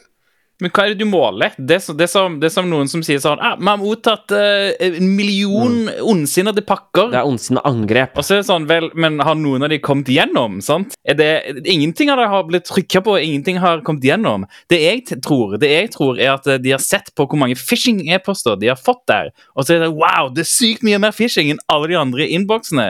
Men jeg vil si at selv om du er en dum bruker, så er du mer skeptisk til det som kommer inn til en felles innboks, enn du er til det som kommer direkte til deg sjøl. Det jeg prøver å si, er at Fosen kommune kan være 50 personer. Kan godt hende alle sammen får den postinnboksen. Dette er ikke et stort konsept. Ja, men de er ikke bare 50 personer. Du kan jo se på ja, de 193 personer. Stopp ansattssiden. Greit. Firegangeren, det er greit. Eh, og 100% av dem jobber, har ikke kontorplass. 100% av dem jobber ute i felten. I hvert fall, om ikke mer. Så la oss si det er 60 personer. står som en egen person og sånt. Ja, ikke sant. Så si 60 personer, da. Hvis de 60 personene får alle sin e-post, alt det går på postomsak, fordi de har funnet at det er det mest effektive måten å organisere hvem som skal gjøre hva for å komme til riktig, Nei, altså, jeg, jeg, sier at det er ikke det er ikke den beste løsningen, men hvis, hvis de med sikkert sitt knøttlille budsjett på sikkerhet har funnet at det her er en god løsning for å unngå risikoen fordi ja, ingen, Bare fordi jeg, jeg, ser den at ja, vi får masse e-poster, men det er ikke farlig så ingen klikker. Kan jo ikke tenke sånn, noen kommer til å klikke ennå. Plutselig kommer det nyansatte lærling eller hva, ikke sant, så er det noen som klikker. Så nei, jeg, jeg, jeg sier ikke at det er riktig, men jeg, sier, jeg syns faen ikke det var så feil heller. Jeg, jeg, syns, jeg, syns, ikke det å fase ut e-post som en kommunikasjonsmiddel er dårlig i det hele tatt, for e-post er møkgammel teknologi. Jeg syns ja, det negative ja. overveier det positive her, sånn som uh, eh, EFN, som jeg aldri har hørt om for så vidt, uh, påpeker i Digi-artikkelen. Altså, du kan ikke sende en anonymt, og plutselig så må folk uh, identifisere seg mye mer enn det som skal være nødvendig ja, for å sende, sende info til, til kommunen sin. Så, det er helt enig. Så det, her, det, det, er jo, det er jo Dette er jo ikke en godt gjennomtenkt uh, policy, vil jeg si. Sant? Her kunne du brukt tiden din mye bedre. Den tiden du brukte på å gå inn og slå av innboksen, kunne du brukt på noe mye bedre. Og de har jo sannsynligvis også brukt penger på å skaffe seg en løsning mm. der du kan logge inn med bank-ID. Ja, så her har de gjort en totalt feil uh, vurdering, vil jeg si. Nei, jeg, jeg syns ikke det er en totalt feil. vet du hva? Vi, vi, vi, vi, skal gi oss der, og så sier vi, vet du hva, hvis du som lytter har noen meninger om det her, vær så snill å sende oss en e-post. Jeg skulle likt å høre fra noen som jobber i Indre Fosen, eller noen som jobber i en kommune i tilsvarende størrelse, og kanskje vet mye mer om de problemstillingene vi beskriver nå. For fakta er at ingen av oss har jobba i en kommune. Vi aner ikke hvordan det er strukturert, i hvert fall ikke mindre kommuner. Så jeg skulle likt å Jeg skal, jeg skal stille meg åpen her, så jeg skulle likt å få et innspill på om den løsninga er så tett på papiret som vi noen mener det er, eller om det er eh, bedre enn ingenting type løsning. Ja, jeg vil få uh, avslutte min side av det og si at uh, jeg misforsto artikkelen. Jeg angrer på det Nei, jeg angrer ikke på det. Altså. Men, uh, men, det jeg håper man ikke gjør, er at man da hviler på at, at ja, e-postmottaket vårt det var den største trusselen vår. Jeg syns det høres veldig rart ut. Um, og at det at man nå har skrudd av e-post for postmottaket sitt, at det ikke betyr at man da hviler på laurbærene og tror at man da er sikker mot phishing. Fordi igjen, ett klikk Hvis du mener at ett klikk kan føre til at noe blir kompromittert, ja, da har du et stort problem, fordi da kan alle de ansatte også få en e-post og klikke på den lenka. Det er, det, er, det er, faktisk ikke postmottaket som er det store synderen. Det nekter jeg å tro. Dette er jeg med på, men så skriver de også da at ja, de har jobbet med sin driftspartner for å skjerpe e-postfiltreringen, så de ikke skal få så mye dritt, og da opplever du at mye av legitim e-post ikke kommer gjennom, så fører det til tap av produktivitet og, og tid-ting. Ja, ja, men, ja, men de har jo fortsatt tilgjengelig alle ansatte sine e-post på nettsida si. Jo da, men kanskje, den, kanskje, filtreringen de har på dem er mye strengere, da. Siden de da ikke, ikke sant, siden de vet at 90, 70% kommer gjennom dette e-postmottakssystemet, så kan de være ekstra strenge på de andre.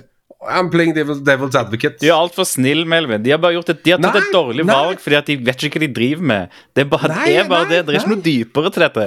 Jo, jo. jo. Jeg, jeg, jeg, jeg har troa her, altså. Jeg stiller meg litt devil's advocate her. Jeg, fordi jeg, møtte mye av de problemstillingene på Kinn, spesielt dette med, dette med, økonomien. At man er så liten kommune som man har fått så tildelt så lite budsjett. Men her har de brukt penger på en ny løsning. De, ikke, de sparer jo ikke penger. Ja, det har de. Det har de. Det har de. nei, nei altså, jeg tenker jo hvis du sliter så mye med å drifte ting, så er det liksom interkommunalt samarbeid, eller da må du finne en eller annen måte å drifte det på, da. dessverre.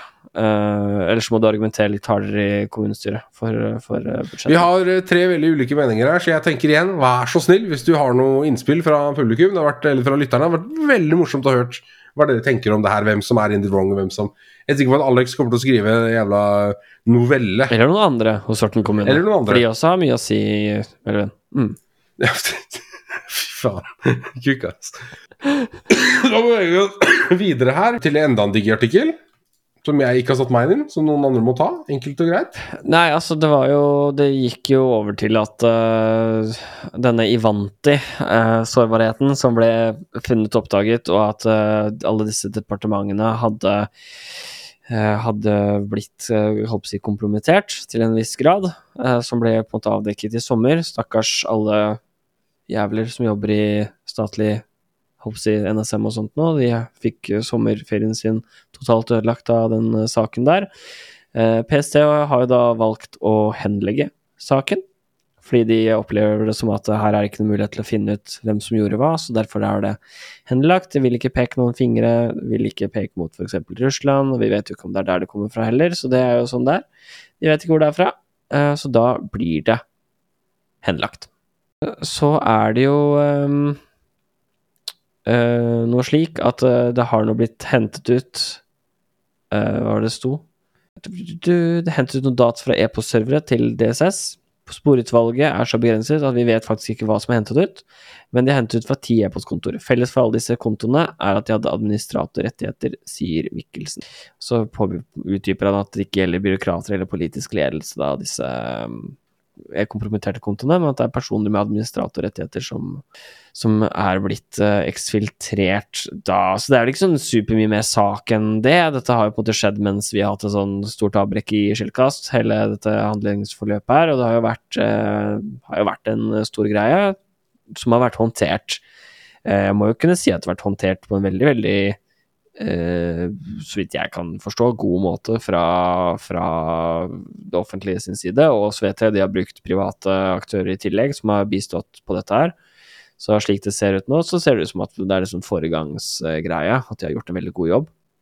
Så det er vel egentlig det jeg har å si om, eh, om eh, saken, egentlig.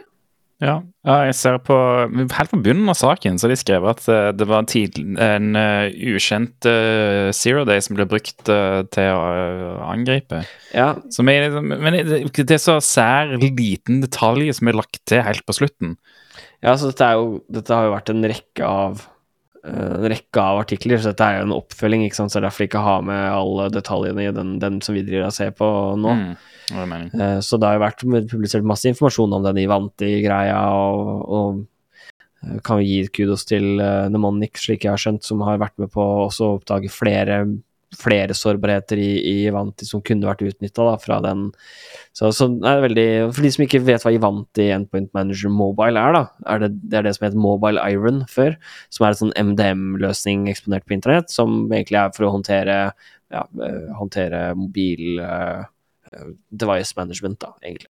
Så det, så det er liksom det er, eh, det er ikke like ille som VPN, kanskje, men det er vel ganske ille allikevel. Ja, de, hvis du, men hvis du, hvis du kommer deg til en server som driver med MDM-stuff, så vil man jo ha tilgang til en del, spesielt hvis du kan rulle ut nye MDM-policies, f.eks. Ja, for eksempel. Ja.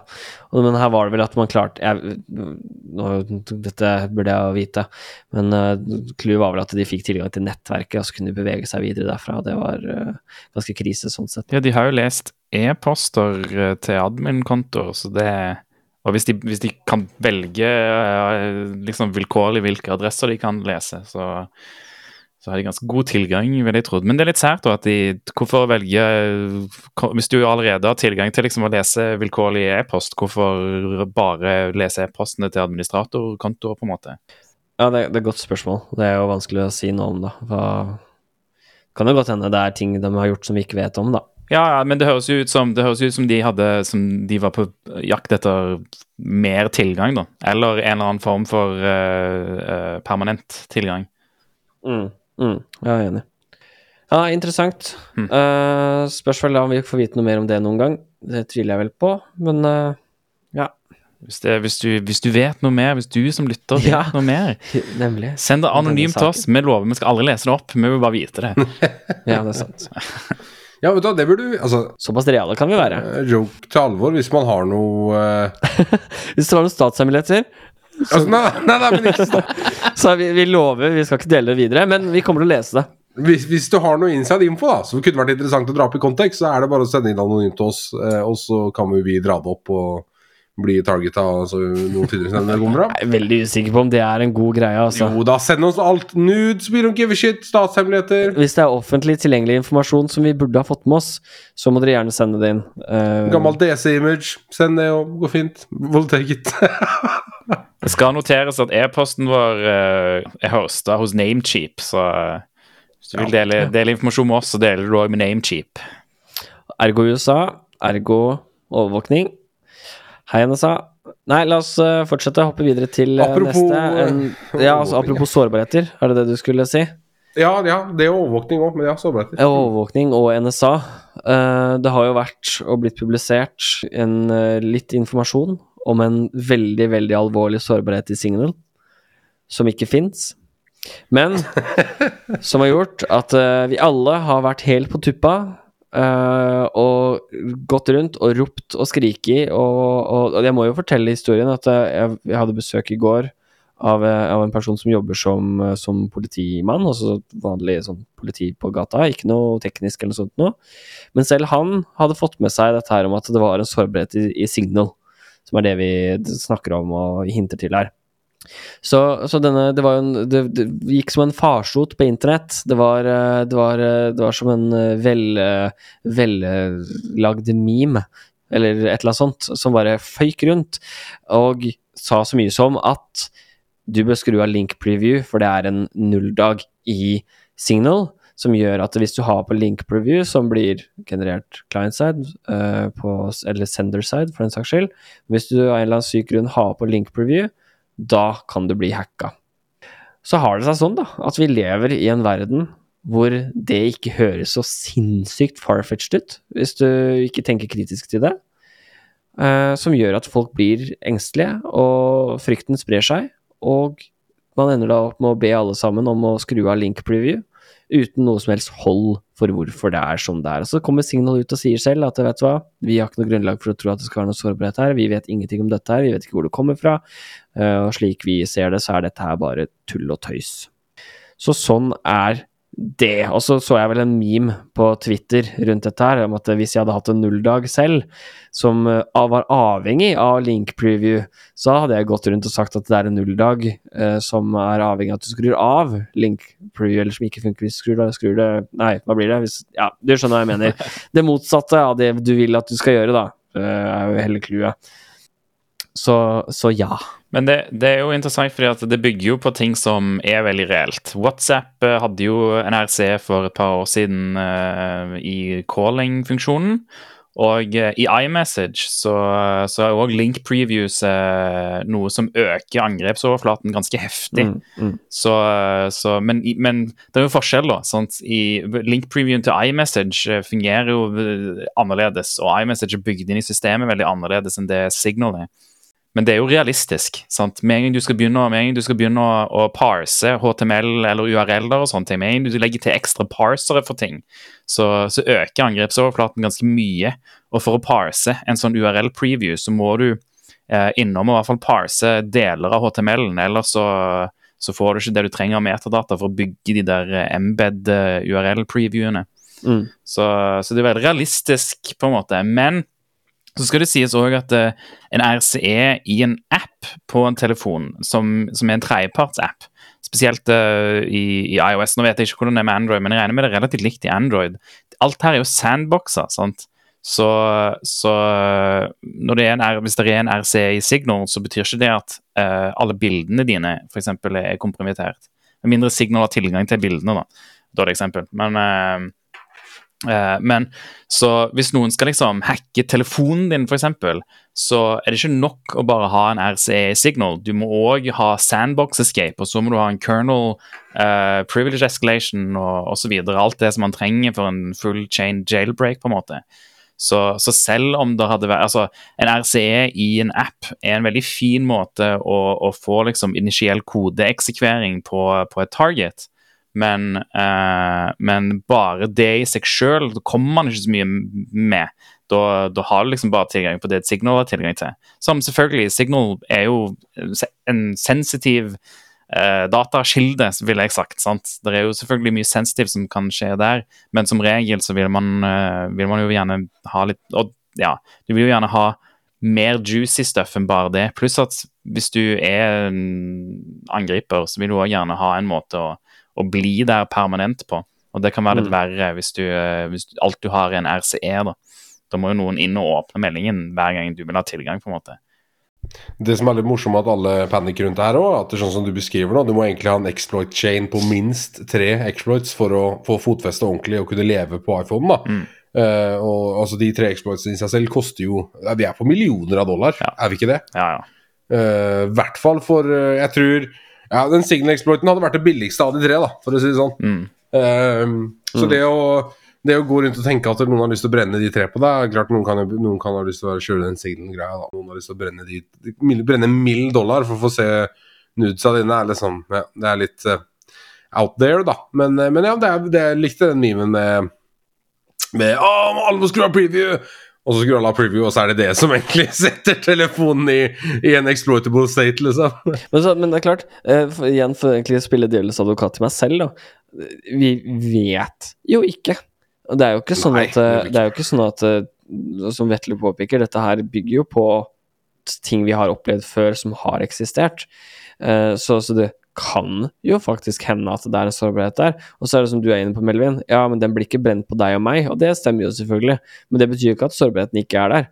Det er jo samme Ja, som de, de, de håper når eh, De arabiske emirater eller hva det måtte være, måtte, altså kjøper exploit, exploits for å utnytte mot dissidenter eller, eh, eller journalister, så, så er det sånn Ja, det er ingen som bruker det mot oss, men sårbarhetene er jo der. Det, så, så det er jo interessant, da. Har vi noen gang sett en sånn type uh, export chain eller sårbarhet utnyttet på large scale noen gang? Er det det jeg er interessert i? Large Har vi scale. noe ja, altså, har vi liksom Altså, de, de, altså dette scenarioet vi snakker om, ja, det er en sårbarhet i Signal. La oss si den hadde vært en tre-chain og kommet seg til kernel. da. Det er, altså, har vi noen gang hørt om noen som liksom bare har sendt signalmelding da til 10K personer eller whatever, og, og bare masse exploit av det her, da, sånn som gode gamle exploit kits gjorde? Vel, det er jo WhatsApp-sårbarheten som, eh, som var Den ble jo brukt, tror Ja. jeg. Eh, jeg husker ikke helt i hvilken kapasitet det var, men eh, men det, det, ingenting av dette, mobilsårbarheter, blir jo aldri exploita en mas, fordi at eh, De er rare og dyre, liksom. altså, det, det, er så sykt, det er sykt vanskelig å bare utvikle en exploit-chain. Mm, mm. sant? Så Mm. der må du allerede ha ganske god kunnskap, og det er få som kan det. Det, det jeg syns er sært, egentlig, når du er inne på det, er at, eh, at det ikke er gamle sårbarheter. liksom, sånn Når du oppdaterer, så er jo det altså, Alle point updates til iOS er jo pga. sikkerhet. sant? Du kan alltids Mm. bare gå inn og så kan du lese hva som var sikkerhetshullet, på en måte, og så kan du gjøre en diff av IOS-oppdateringen og se på liksom hvor er sårbarheten.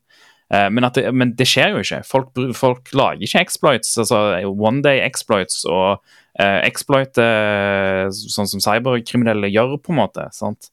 Så, men jeg, jeg syns det, det, det er noe sært. Du skulle nesten trodd at, uh, at det var noe som skjedde. Det, det er jo, så Når de er patcha, så er det jo nesten åpen informasjon.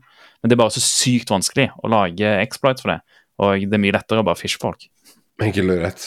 Fair point. Og og det er jo sånn som folk spør meg om sånn Altså personer som ikke snakker noe om f.eks. Uh, eller snakker om, holdt jeg på å si, som ikke kan om IT-sikkerhet. Som liksom Ja, hvor lett er det å hacke en mobil, da?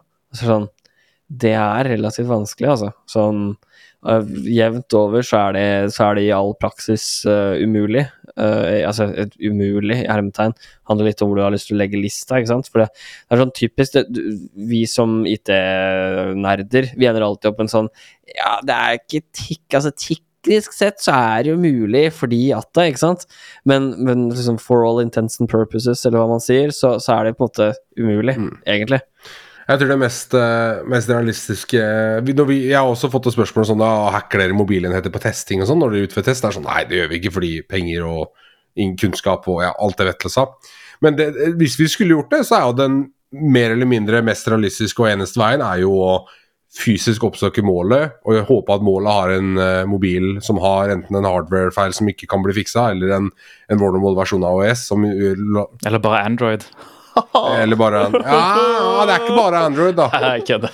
Det er ikke bare Android, da. Det må være Windows Phone også. ja, så, du- så du egentlig fysisk får tak i telefonen, og du er så heldig at den er sårbar til en eller annen aktiv jailbreak, eller eh, Eller ja, jailbreak, egentlig. Eh, hva faen? Det er det de kaller det på Android òg, ikke sant? Ja, Ja. Ja, routing, jailbreak, whatever. Eh, så du kan installere en bakdør eller hva enn. da. Det er liksom den mest realistiske. Ah, han har en iPhone 12 eller 13. Jeg vet ikke om de har en uh, aktiv Nei, eh, moderne, egentlig. ja, er det det? Er det ikke 7 eller 8 som har en sånn hardware ja, samme. You get my point, da. Det er urealistisk, og i så fall så er det den mest realistiske måten å gå for. Det er en eller annen opp til en viss som har en eller annen feil. Ja, stemmer. Jeg tror det er iPhone 10, faktisk. Opp til 10. Ja, jeg, for jeg har en rosa en, Jeg tror det er en 7S eller et eller annet som, som er liksom permavorn uansett IOS-versjon. Ja, men der òg finner du inkompatibiliteter med iOS-versjonen. Så selv hvis Ja, de er på ny iOS-versjon, så sliter du fortsatt med å utvikle exploiten. Helt riktig. Så ja, det er ikke, det er ikke easy. Så, men uansett, da. Litt morsomt. Men altså, end of the day, det er jo ikke så feil å ha single preview av. Jeg har ikke tenkt på det før, men eh, hvorfor ha det på? Jeg Liker å se previews av URL-er. Ja, men slik jeg forsto det, så genereres de klar, altså sender side uansett. Å ja. Oh, ja, ok. Jeg trodde det lika IP og sånn, ja, tenkte jeg. Ja, nei, for det er det da min påstand er at de da Hvis det stemmer, da, så gjør det ikke det. Nei. Og det er jo interessant. Noe som også er veldig interessant, er neste nyhetssak, eh, og det er da Okta. Som igjen har blitt eid. Jeg vet ikke hvor mange ganger før det har blitt eid, men de memen er nå at der, eh, Oh, you got owned again. Hmm, User-lisens to dollar trynet. Flott.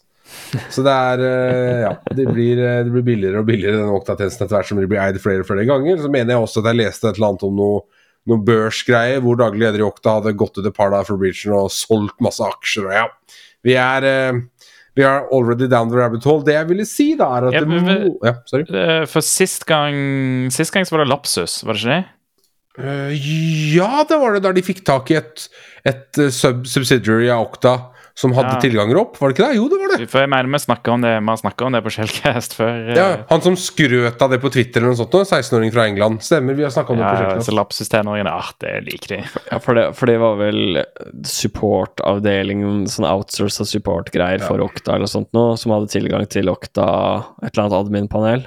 Mm, som kunne da ved det gjøre masse rart. For det som er spennende, er at vi er på support her òg. Det som har skjedd i gangen her, er at en Okta support agent 2. oktober eh, etterspurte da leverte tilganger. Det var da de begynte å etterforske de greiene her. Eh, så det man antar, da, at disse, man vet ikke all informasjonen ennå, men det man antar, er at der, eh, de fisha seg inn, eller gaina en access til en support agent-konto. Altså en Okta-konto for Okta sin support-staff, for Okta-entiteten. Ikke, ikke, ikke for noe, noen som har Okta, men liksom Okta-brandet. Eh, og så har da angriperen gått rundt til diverse adminer, altså åpna support-tickets med diverse adminer i eh, selskaper som bruker Okta, og sagt at det er et eller annet problem, og bedt, dem uploade en HAR-fil, altså HR, HR, det ble en god mix, til supportpanelet. Og en hardfil, det viser seg da, det er en extension jeg ikke har hørt om før, det viser seg da å være et debug-format i Chromium-browsers, som du kan dumpe hvis du åpner F12 og går inn i development, eh, developer console, se på nettverkstrafikken din, du, alle har sikkert vært der, så kan du gå opp i høyre hjørne og laste ned en hardfile, som er da en, egentlig en komplikasjon av all nettverkstrafikken din da, for denne sesjonen. HTTP Archive. Okay. Ja, så det en zip-fil-ish for, for nettverkstrafikk, egentlig, da. Riktig. Er sikkert basically, det er sikkert bare alle HTTP requests og mer respons. Uh... Det er sikkert bare haug med Jason-filer, ja, komprimert, ja. Et eller annet format, ja. Uh. Eh, og så har de da denne actoren bedt dem opplaste dette portalen, og så brukt det til å reuse dømme session cookie for å få tilgang som admin i da Okta-portalen til disse sub-selskapene. Som jo er kreativt, det skal de faen meg ha. Uh, det må jeg si var en kreativ måte å få disse eh, admin-kontoene, som da mest sannsynlig er litt tekniske, til å gjøre noe som virker veldig debug-aktig uten å nødvendigvis slå tanken om at sant, Hadde du bedt disse her laste spesielt verktøy for å gjøre det, så hadde du sikkert blitt tatt med en gang. Når du ber dem gjøre det da via development console i Chrome, og det kanskje det virker litt legitimt Jeg syns det var kreativt og åpenbart gått litt planlegging inn i det her når de først har fått tilgang. Ja, det, mm, enig. Du har tenkt litt for å komme dit, altså. Ja, ja det er det, det er, jeg mener at det var liksom ikke en sånn eh, Ja, det var litt kult, det var litt kult selv om det er dårlig. Og det var jo det som, det som var spesielt her, grunnen til at det ble oppdaga, var jo fordi at eh, en av de selskapene som, som ble utsatt for denne her, eh, dette angrepet her, som heter Beyond Trust, de ble da targeta igjen av, av dette her. Den Octa Support Agenten spurte hei, kan dere sende dette harer-fila eh, som fra login-sesjonen deres, vi må debugge en eller annen feil. Eh, og den inneholder da API request og session cookie og sånne ting. Eh, og så er det sånn da at de Okta admin-kontoene er jo egentlig beskytta med sånn Fido 2, sånn type Å, herregud. Eh, Harvard ja. Nei, nei, passwordless authenticating, er det det jeg tenker Ja, nei, ja, du, du, du, blir vel ikke det Ja, det blir passwordless, da. Men jeg tenkte på disse um, YubiKey, var det Ja, jeg tenkte ja, på. hardware Sånn, men også den type hardware tokens eller lignende. Eh, og at de, du egentlig måtte bare være logga inn via eh, en konto som er manager, eller en PC som er manager via Octa Verify og sånne ting. Så de hadde, de hadde mye på plass, da. Men det som viser seg da, er at eh, disse angriperne klarer da pivoter fra å prøve å accesse dem på den måten, fordi de oppdager at det her er et forsøk på gjenbruk, men det blir blokkert fordi at de Beyond Trust har konfigurert Okta-installasjonen sin sånn at de, de, de admin-konto kun har tilgang hvis XYZ. Men så pivoter de da, etter en halvtime, til å bruke API, altså admin API-actions med den sesjonscookien i stedet for. Eh, og det viser at nei, det går ikke an å beskytte med de samme policyene som de hadde på all den andre greiene. Så, så på den måten da, så klarte de å, å bruke API for å liksom få ytterligere tilgang osv. osv. osv. Utrolig interessant. Også, dette er jo, i bare min opinion, ganske sofistikert. I hvert fall den pivoten. Det, jeg leser her at det, eh, den aktiviteten mot API-et er typisk brukt hvis du bruker en Okta Admin Console UI. Så de hadde da de hadde da en eller annen tanke om at kanskje dette kunne skje, eller så var de bare jævlig raske å identifisere at det finnes et eller annet ekstra verktøy som bruker et annet endepunkt enn hva en UI identifiserer. da. Sorry for å avbryte. Mm, mm. Og nei, og så eh, blant annet da så skaper de jo da Sånn som jeg forstår det på deg, så skaper de da en ny konto i, eh, i kundens miljø via det REST-API-nøkkelet, og så bruker de den kontoen, da. Eh, og det navnet på den kontoen mimiker da naming convention og sånn hos den kunden. Og, og så står det Jeg vet egentlig ikke hva de ender opp med å gjøre da med den tilgangen før det blir oppdaga, men det er jo mest sannsynlig så stakk den gjengen går- av gårde med mye kundedata. Ikke bare fra Okta, men kundene til Okta. Og du kan se for deg Altså, se for deg hvis det her hadde skjedd med Microsoft. Hvis en Microsoft support-agent hadde blitt eid, og den support-agenten Det er litt lol, for det er jo den klassiske India-scammen. At ja, det er Microsoft Tech Support, men hvis de da gjennom legitime Microsoft-kommunikasjonskanaler hadde begynt å nå ut til gigakunder av Microsoft, og eie dem på den måten her, altså hva faen gjør du som kunde av det produktet da? Mm. Ikke bare har du, sånn som den kunden her som har da kjøpt produktet til Okta og konfigurert det sikrere enn Okta support-agenten har gjort, for det første, som jo er veldig ironisk, da blir eid gjennom selskapet du har kjøpt produktet av. Mm. Ja ja, supply chain attack er lol, men liksom, hallo! Ja, altså, og det morsomme her er at de da prøver å ta kontakt med Okta for å fortelle at hei, vi tror dere har hatt en breach. Så tar det en evighet før de i det hele tatt da innser at det, ja, fader, det, det har vi faktisk hatt. Ja, det var litt dumt. uh, så, så liksom Beyond Trust har jo virkelig gått Beyond Nei, nei, altså ja, forbi all tillit. Ja, nei, et eller annet. Et eller annet der, i hvert fall en eller annen joke på navnet der. Men, men altså, de, de, de har man jo virkelig Altså, de oppdaga det 2. oktober. 3. oktober så spurte de Okta Support om å eskalere til sikkerhetsteamet. Uh, altså 2. oktober oppdaga de det. 3. oktober så ville de ha det eskalert. 11. Nei, til 13. oktober har de da Zoom-sessions, hvor de da forklarer hvorfor de tror de kanskje har blitt kompromittert. Og så kommer de da 19. oktober og bare Ja, ja, vi hadde, vi hadde en internal breach, altså. Vi, og dere var en av de. Og har du lyst til å høre jeg holdt på å si toppen av klokka her? I mars i år, mars 20. mars, så skriver da en tweet at Okta har sparka hele Red-teamet sitt. Ja. Så det er da sannsynlig at Okta har gått uten et Red-team, eller et Red-team i bygningsfasen eller rekrutteringsfasen, fra mars til nå. Så jeg vet ikke om det var så taktisk ja. å sparke hele Red-teamet ditt i mars i år. Så sikkert da som følge av at de hadde blitt eid tidligere. Um, Ja. Det er på tide å sparke dem på nytt, i hvert fall hvis de har rett til å ansette nye Can, folk. can, you, can we please refire these people? Nei, nei, men jeg syns jo det er veldig interessant å, øh, Veldig interessant at de klarte å fange det opp, at de hadde så god kontroll rundt For det er veldig lett å stole på Okta. Uh, Okta skal jo på en måte være et veldig sånn tillitsbasert greie. Når du driver med identitet, så er det på en måte Når det er såpass viktig Altså det er det du driver med, da forventer du på en måte at de har tinga i orden, at de ikke fucker opp på den måten her, da. Men øh, det er jo Dette er jo et grunnlag for å vurdere Okta som leverandør, inntil de gjør Ja, ja, ja. noe med det. ja, ja. Um, på samme måte som at folk har blama da LastPass for å kanskje ikke gjøre jobben sin godt nok som passordmanager, Mm. så er jo på en måte det her vel så ille. Hvis en eller annen supported dude blir kompromittert hos Okta, og da er du fucked, liksom. Hvis de velger å targete deg, da Men det, det som er så utrolig kult her, at her er det da et sofistikert angriper som har gått mot IT Service Desk, og de beskriver det som at de har lurt flere av dem til å resette multifactor authentication-tokenet sitt for å få tilgang. Og så skriver de også på slutten at Okta sa at disse hackerne brukte nye teknikker for lateral movement and defense evasion. Nå vet jeg ikke hva Okta legger i nye teknikker, men uh, altså Vi dropper ikke batfiller overalt, overalt, høres det ut som, da. Altså, det er jo en litt annen måte å gjøre ting altså, Dette er jo i sky, da. Det, det fordrer liksom andre måter å gjøre ting på sånt, som er, eh, som er veldig Det er veldig interessant. De har eh, for så vidt lagd en podkastepisode om det, Beyond Trust, som sikkert er, eh, sikkert er verdt å høre. Det skal sies at der, eh, hadde jeg sittet Jeg har aldri jobba Defense eller Blue Team, men hadde jeg sittet og sett på det her, så hadde jeg tenkt at det her stinker Red Team. Det her, det her stinker Red Team hele veien på måten de opererer på.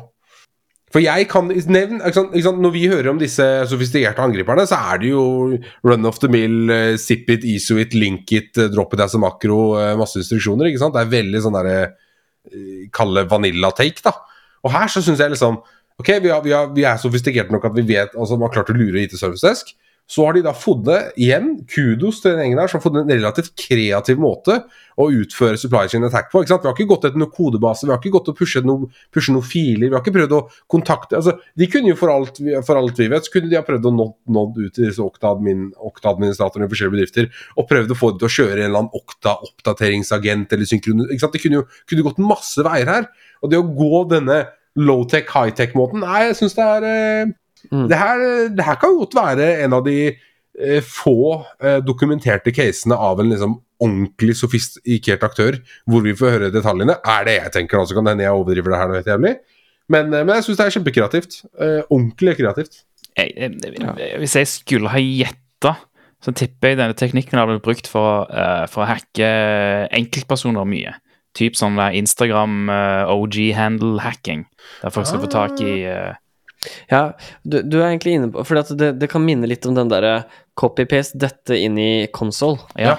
Ja, Mm. det kan det gjøre. Kan det, kan det minne litt om. Men det er jo nytt å høre om det mot et selskap på denne måten, da.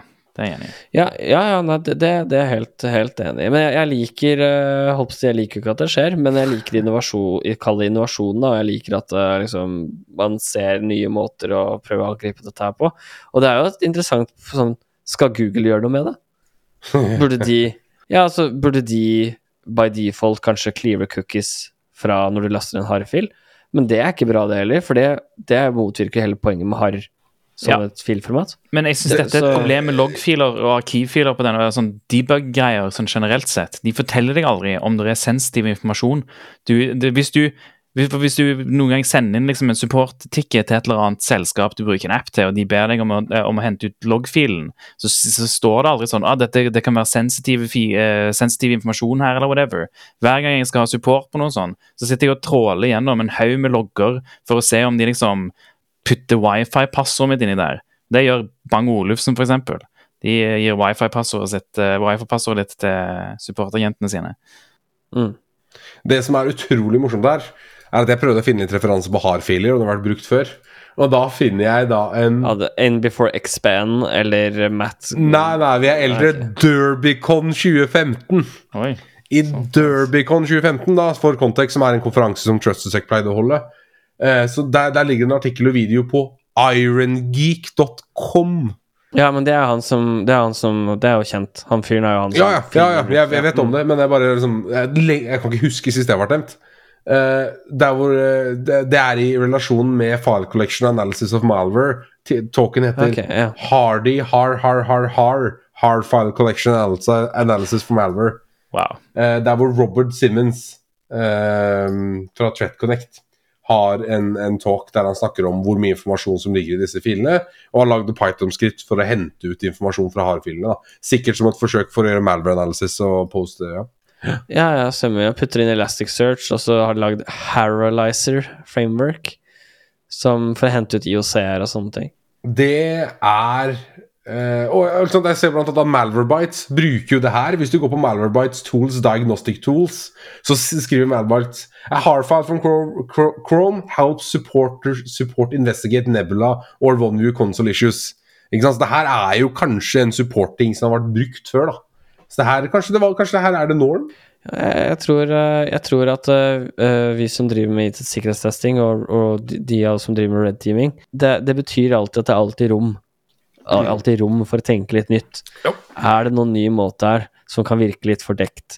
Som kan virke, virke liksom lurt?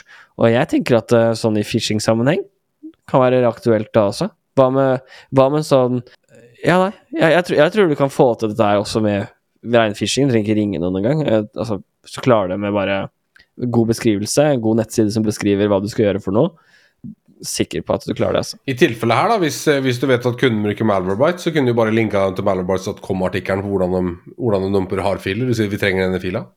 Ja, jeg ser for meg sånn Hvis du klarer å lure en person da, til å gå til en nettside som forklarer uh, som, som basically sier sånn uh, eh, Dette er måten vi kan eh, kontrollere din dupledu på, eller et eller annet sånt piss, da. Så er det sånn Nei, du må gå på Du må logge på Her er URL, du må logge på denne siden, som da er legitim Microsoft.com, eh, et eller annet. SharePoint, et eller annet sånt noe. Eh, du må ha eh, det, sånn og sånn, du må ha dette oppe, sånn ser det ut. Når du har gjort det, så skal du se sånn og sånn ut. Trykk på den last ned-lenka, lagre den, last den opp her. Mm. Jeg, jeg er sikker på at du hadde klart å lure noen til å gjøre det, selv om det er en intrikat greie. Kunne brukt det som uh, innsidefishing. Få en en konto, lage en SharePoint-side med dokumentasjon på hvordan du submitter disse hardfilene. Send, de, send hardfilen inn til denne e-posten.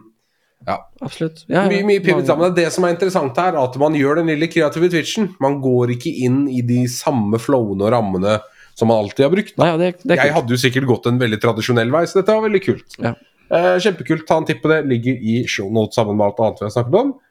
Eh, og Det er det vi egentlig har nyheter. Jeg skal dra gjennom Shell Resources eh, raskt, og så skal du da ta en vurdering på om du syns episoden var bra, og om du skal gå inn på merch.kvart.no, eh, som vi snakket om i førsten her. Eh, første da, at der, eh, gjengen i Falcon Force Team, Olaf, som jeg kjenner han som, eh, har sluppet nå et verktøy som heter Falcon Hound. Som virker, som egentlig bruker Bloodhound Ta Bloodhound ut fra dette eh, snapshot in a time-referansen som vi bruker det som på offensiv, og heller skal bruke det til blue-teamet med å kontinuerlig kjøre, kjøre dette og bruke det som en aktiv datakilde. Og så har han da lagd verktøy for å slå dette sammen med datakilder fra forskjellige eh, ressurser, som Asher Sentinel, Splunk, Microsoft Defender for Endpoint, MS Graph og rå CSV-formater. Og så kan vi pipe alt det her inn i en egen struktur og få en mye bedre oversikt av potensielle, av potensielle paths. da. Og Et eksempel på det her kan jo være at ok, nå har noen initiata et nytt session som en admin-bruker på en lavprimmaskin. Det er enten da breach of protocol, det skal ingen gjøre, eller så er det noe som skjer. At man har denne adaptive og aktive eh, informasjonsflyten fra, som, med Bloodhound som et verktøy, istedenfor denne snap, eh, sine, liksom, ja, snapshot in time-stansen. Altså. Det var veldig kult. Jeg vet at vi vanligvis ikke har diskusjon på disse, men eh, er dette, vil, vil du si dette er noe å vurdere hvis man, eh, hvis man ser etter Bloodhound Enterprise? Bloodhound Enterprise er jo kommersielle versjonen av akkurat dette, skulle du si, lagd av Spectrops. Nå har jeg veldig lite innsikt i Enterprise, men ja, dette høres ut som en god, eh, god open source-versjon-variant av det. Det, er, det er annerledes, kan jeg vel si så enkelt som. Det er ikke det samme. Okay. Um, men uh, så Ja, de driver og skal lage API for Community Edition og, og Enterprise-versjonen av Bloodown. Uh, og gjør vel, gjør vel ikke det samme, da, egentlig, sånn sett. De vil jo gjerne ha en side med integrasjon her, f.eks. Med enten en Sentinel eller Splunk, f.eks. Uansett, kjempekult. Ta en titt på det. Ja, ja. Falcon Hound heter det. Så er det et annet verktøy som, eh, som heter Graph Runner, som da gjengen i Black Hills har sluppet. Det er vel da eh, Daft Hack og Revshell som har sluppet det sammen, virker det som. Jeg ser sånn ut. Jeg må jo si, jeg syns det er så kult med sånt verktøy, hvor innovativt og nytt eh, det er, og hva liksom de verktøyene som blir lagd for, ja, i dette tilfellet Graph API, da, som man kanskje egentlig ikke har sett før, og det finnes på en måte ingen tilsvarende verktøy som har gjort det samme noen gang.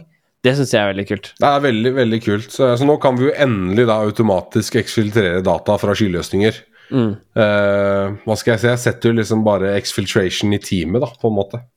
Så, så, så det er Det er kult. det, det er kanskje det, det kuleste her, da. liksom at, uh, og det, det er tydelig. Det, det trengs et selskap som Black Hills og personer som uh, og Steve Borch for, uh, for liksom lage noe sånt.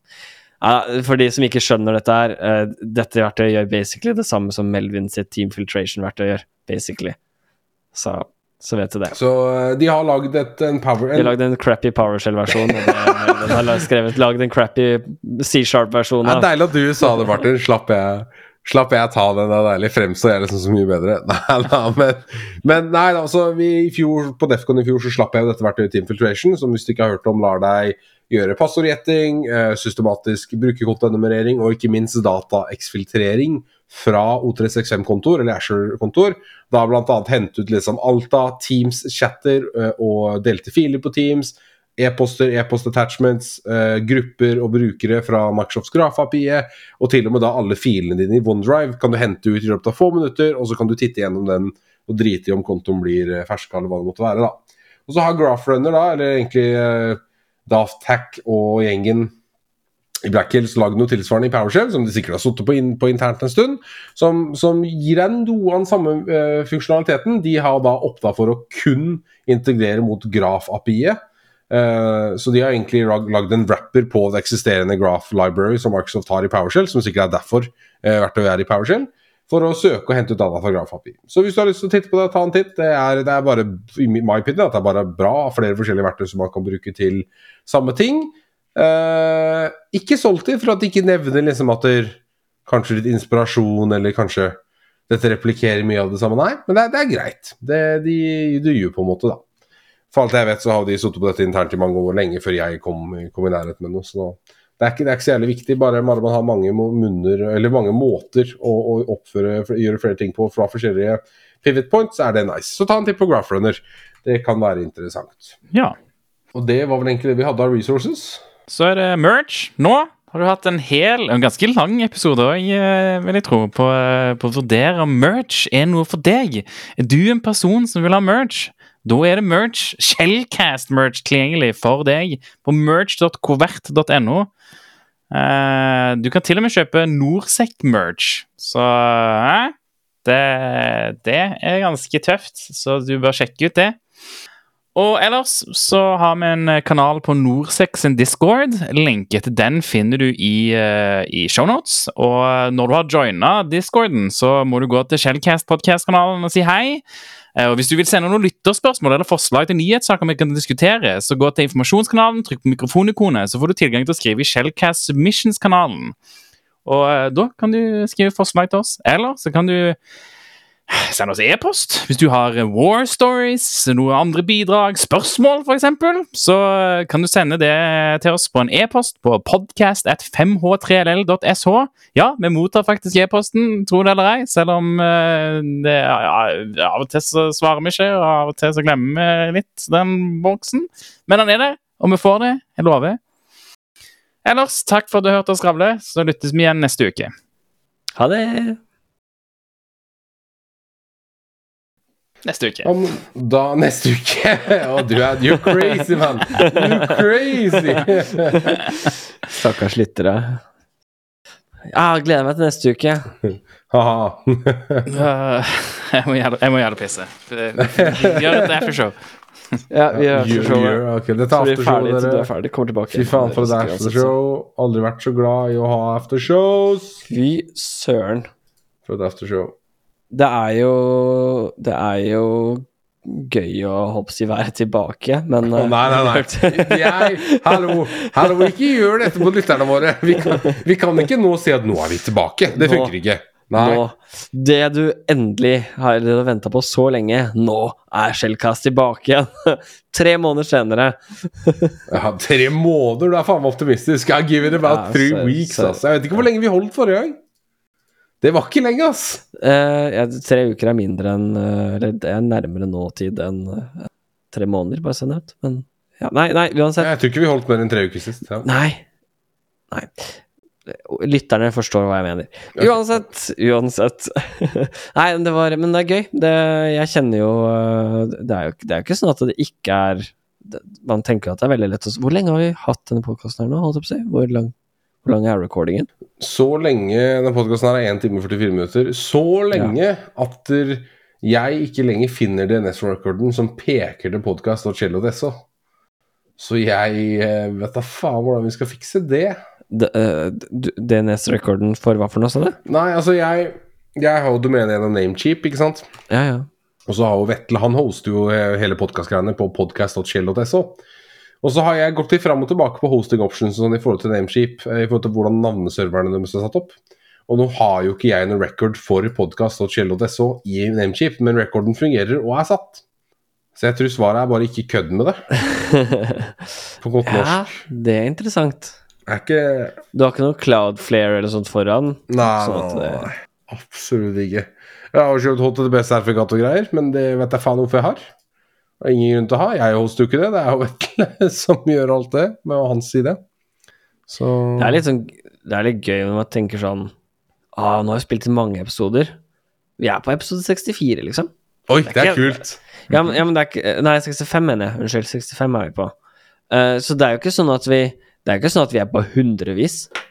Selv om man føler ja, Det føles ut som vi har spilt inn 100 podkaster, Det, det Ja, det gjør det. men det har vi ikke. Vi er litt over halvveis. Vi er eh, litt over halvveis, ja. Stemmer. Ganske mye mer enn jeg hadde trodd vi skulle komme til, egentlig.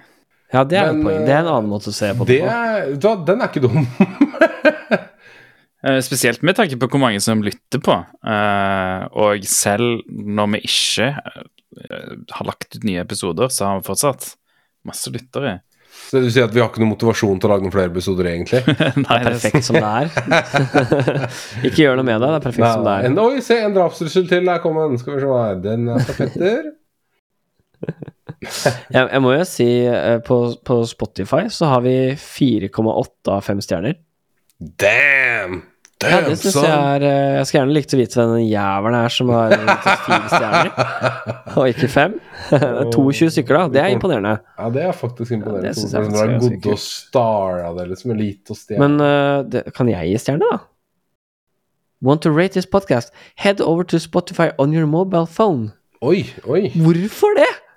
Å nei, da vil jeg ikke Og takk for i dag, dere. Da, da Ja, avslutter men Ja, Det er jo utrolig teit. Ja, men vi gir oss der. Tusen hjertelig takk. Da stopper vi. Tusen takk. Ja, men...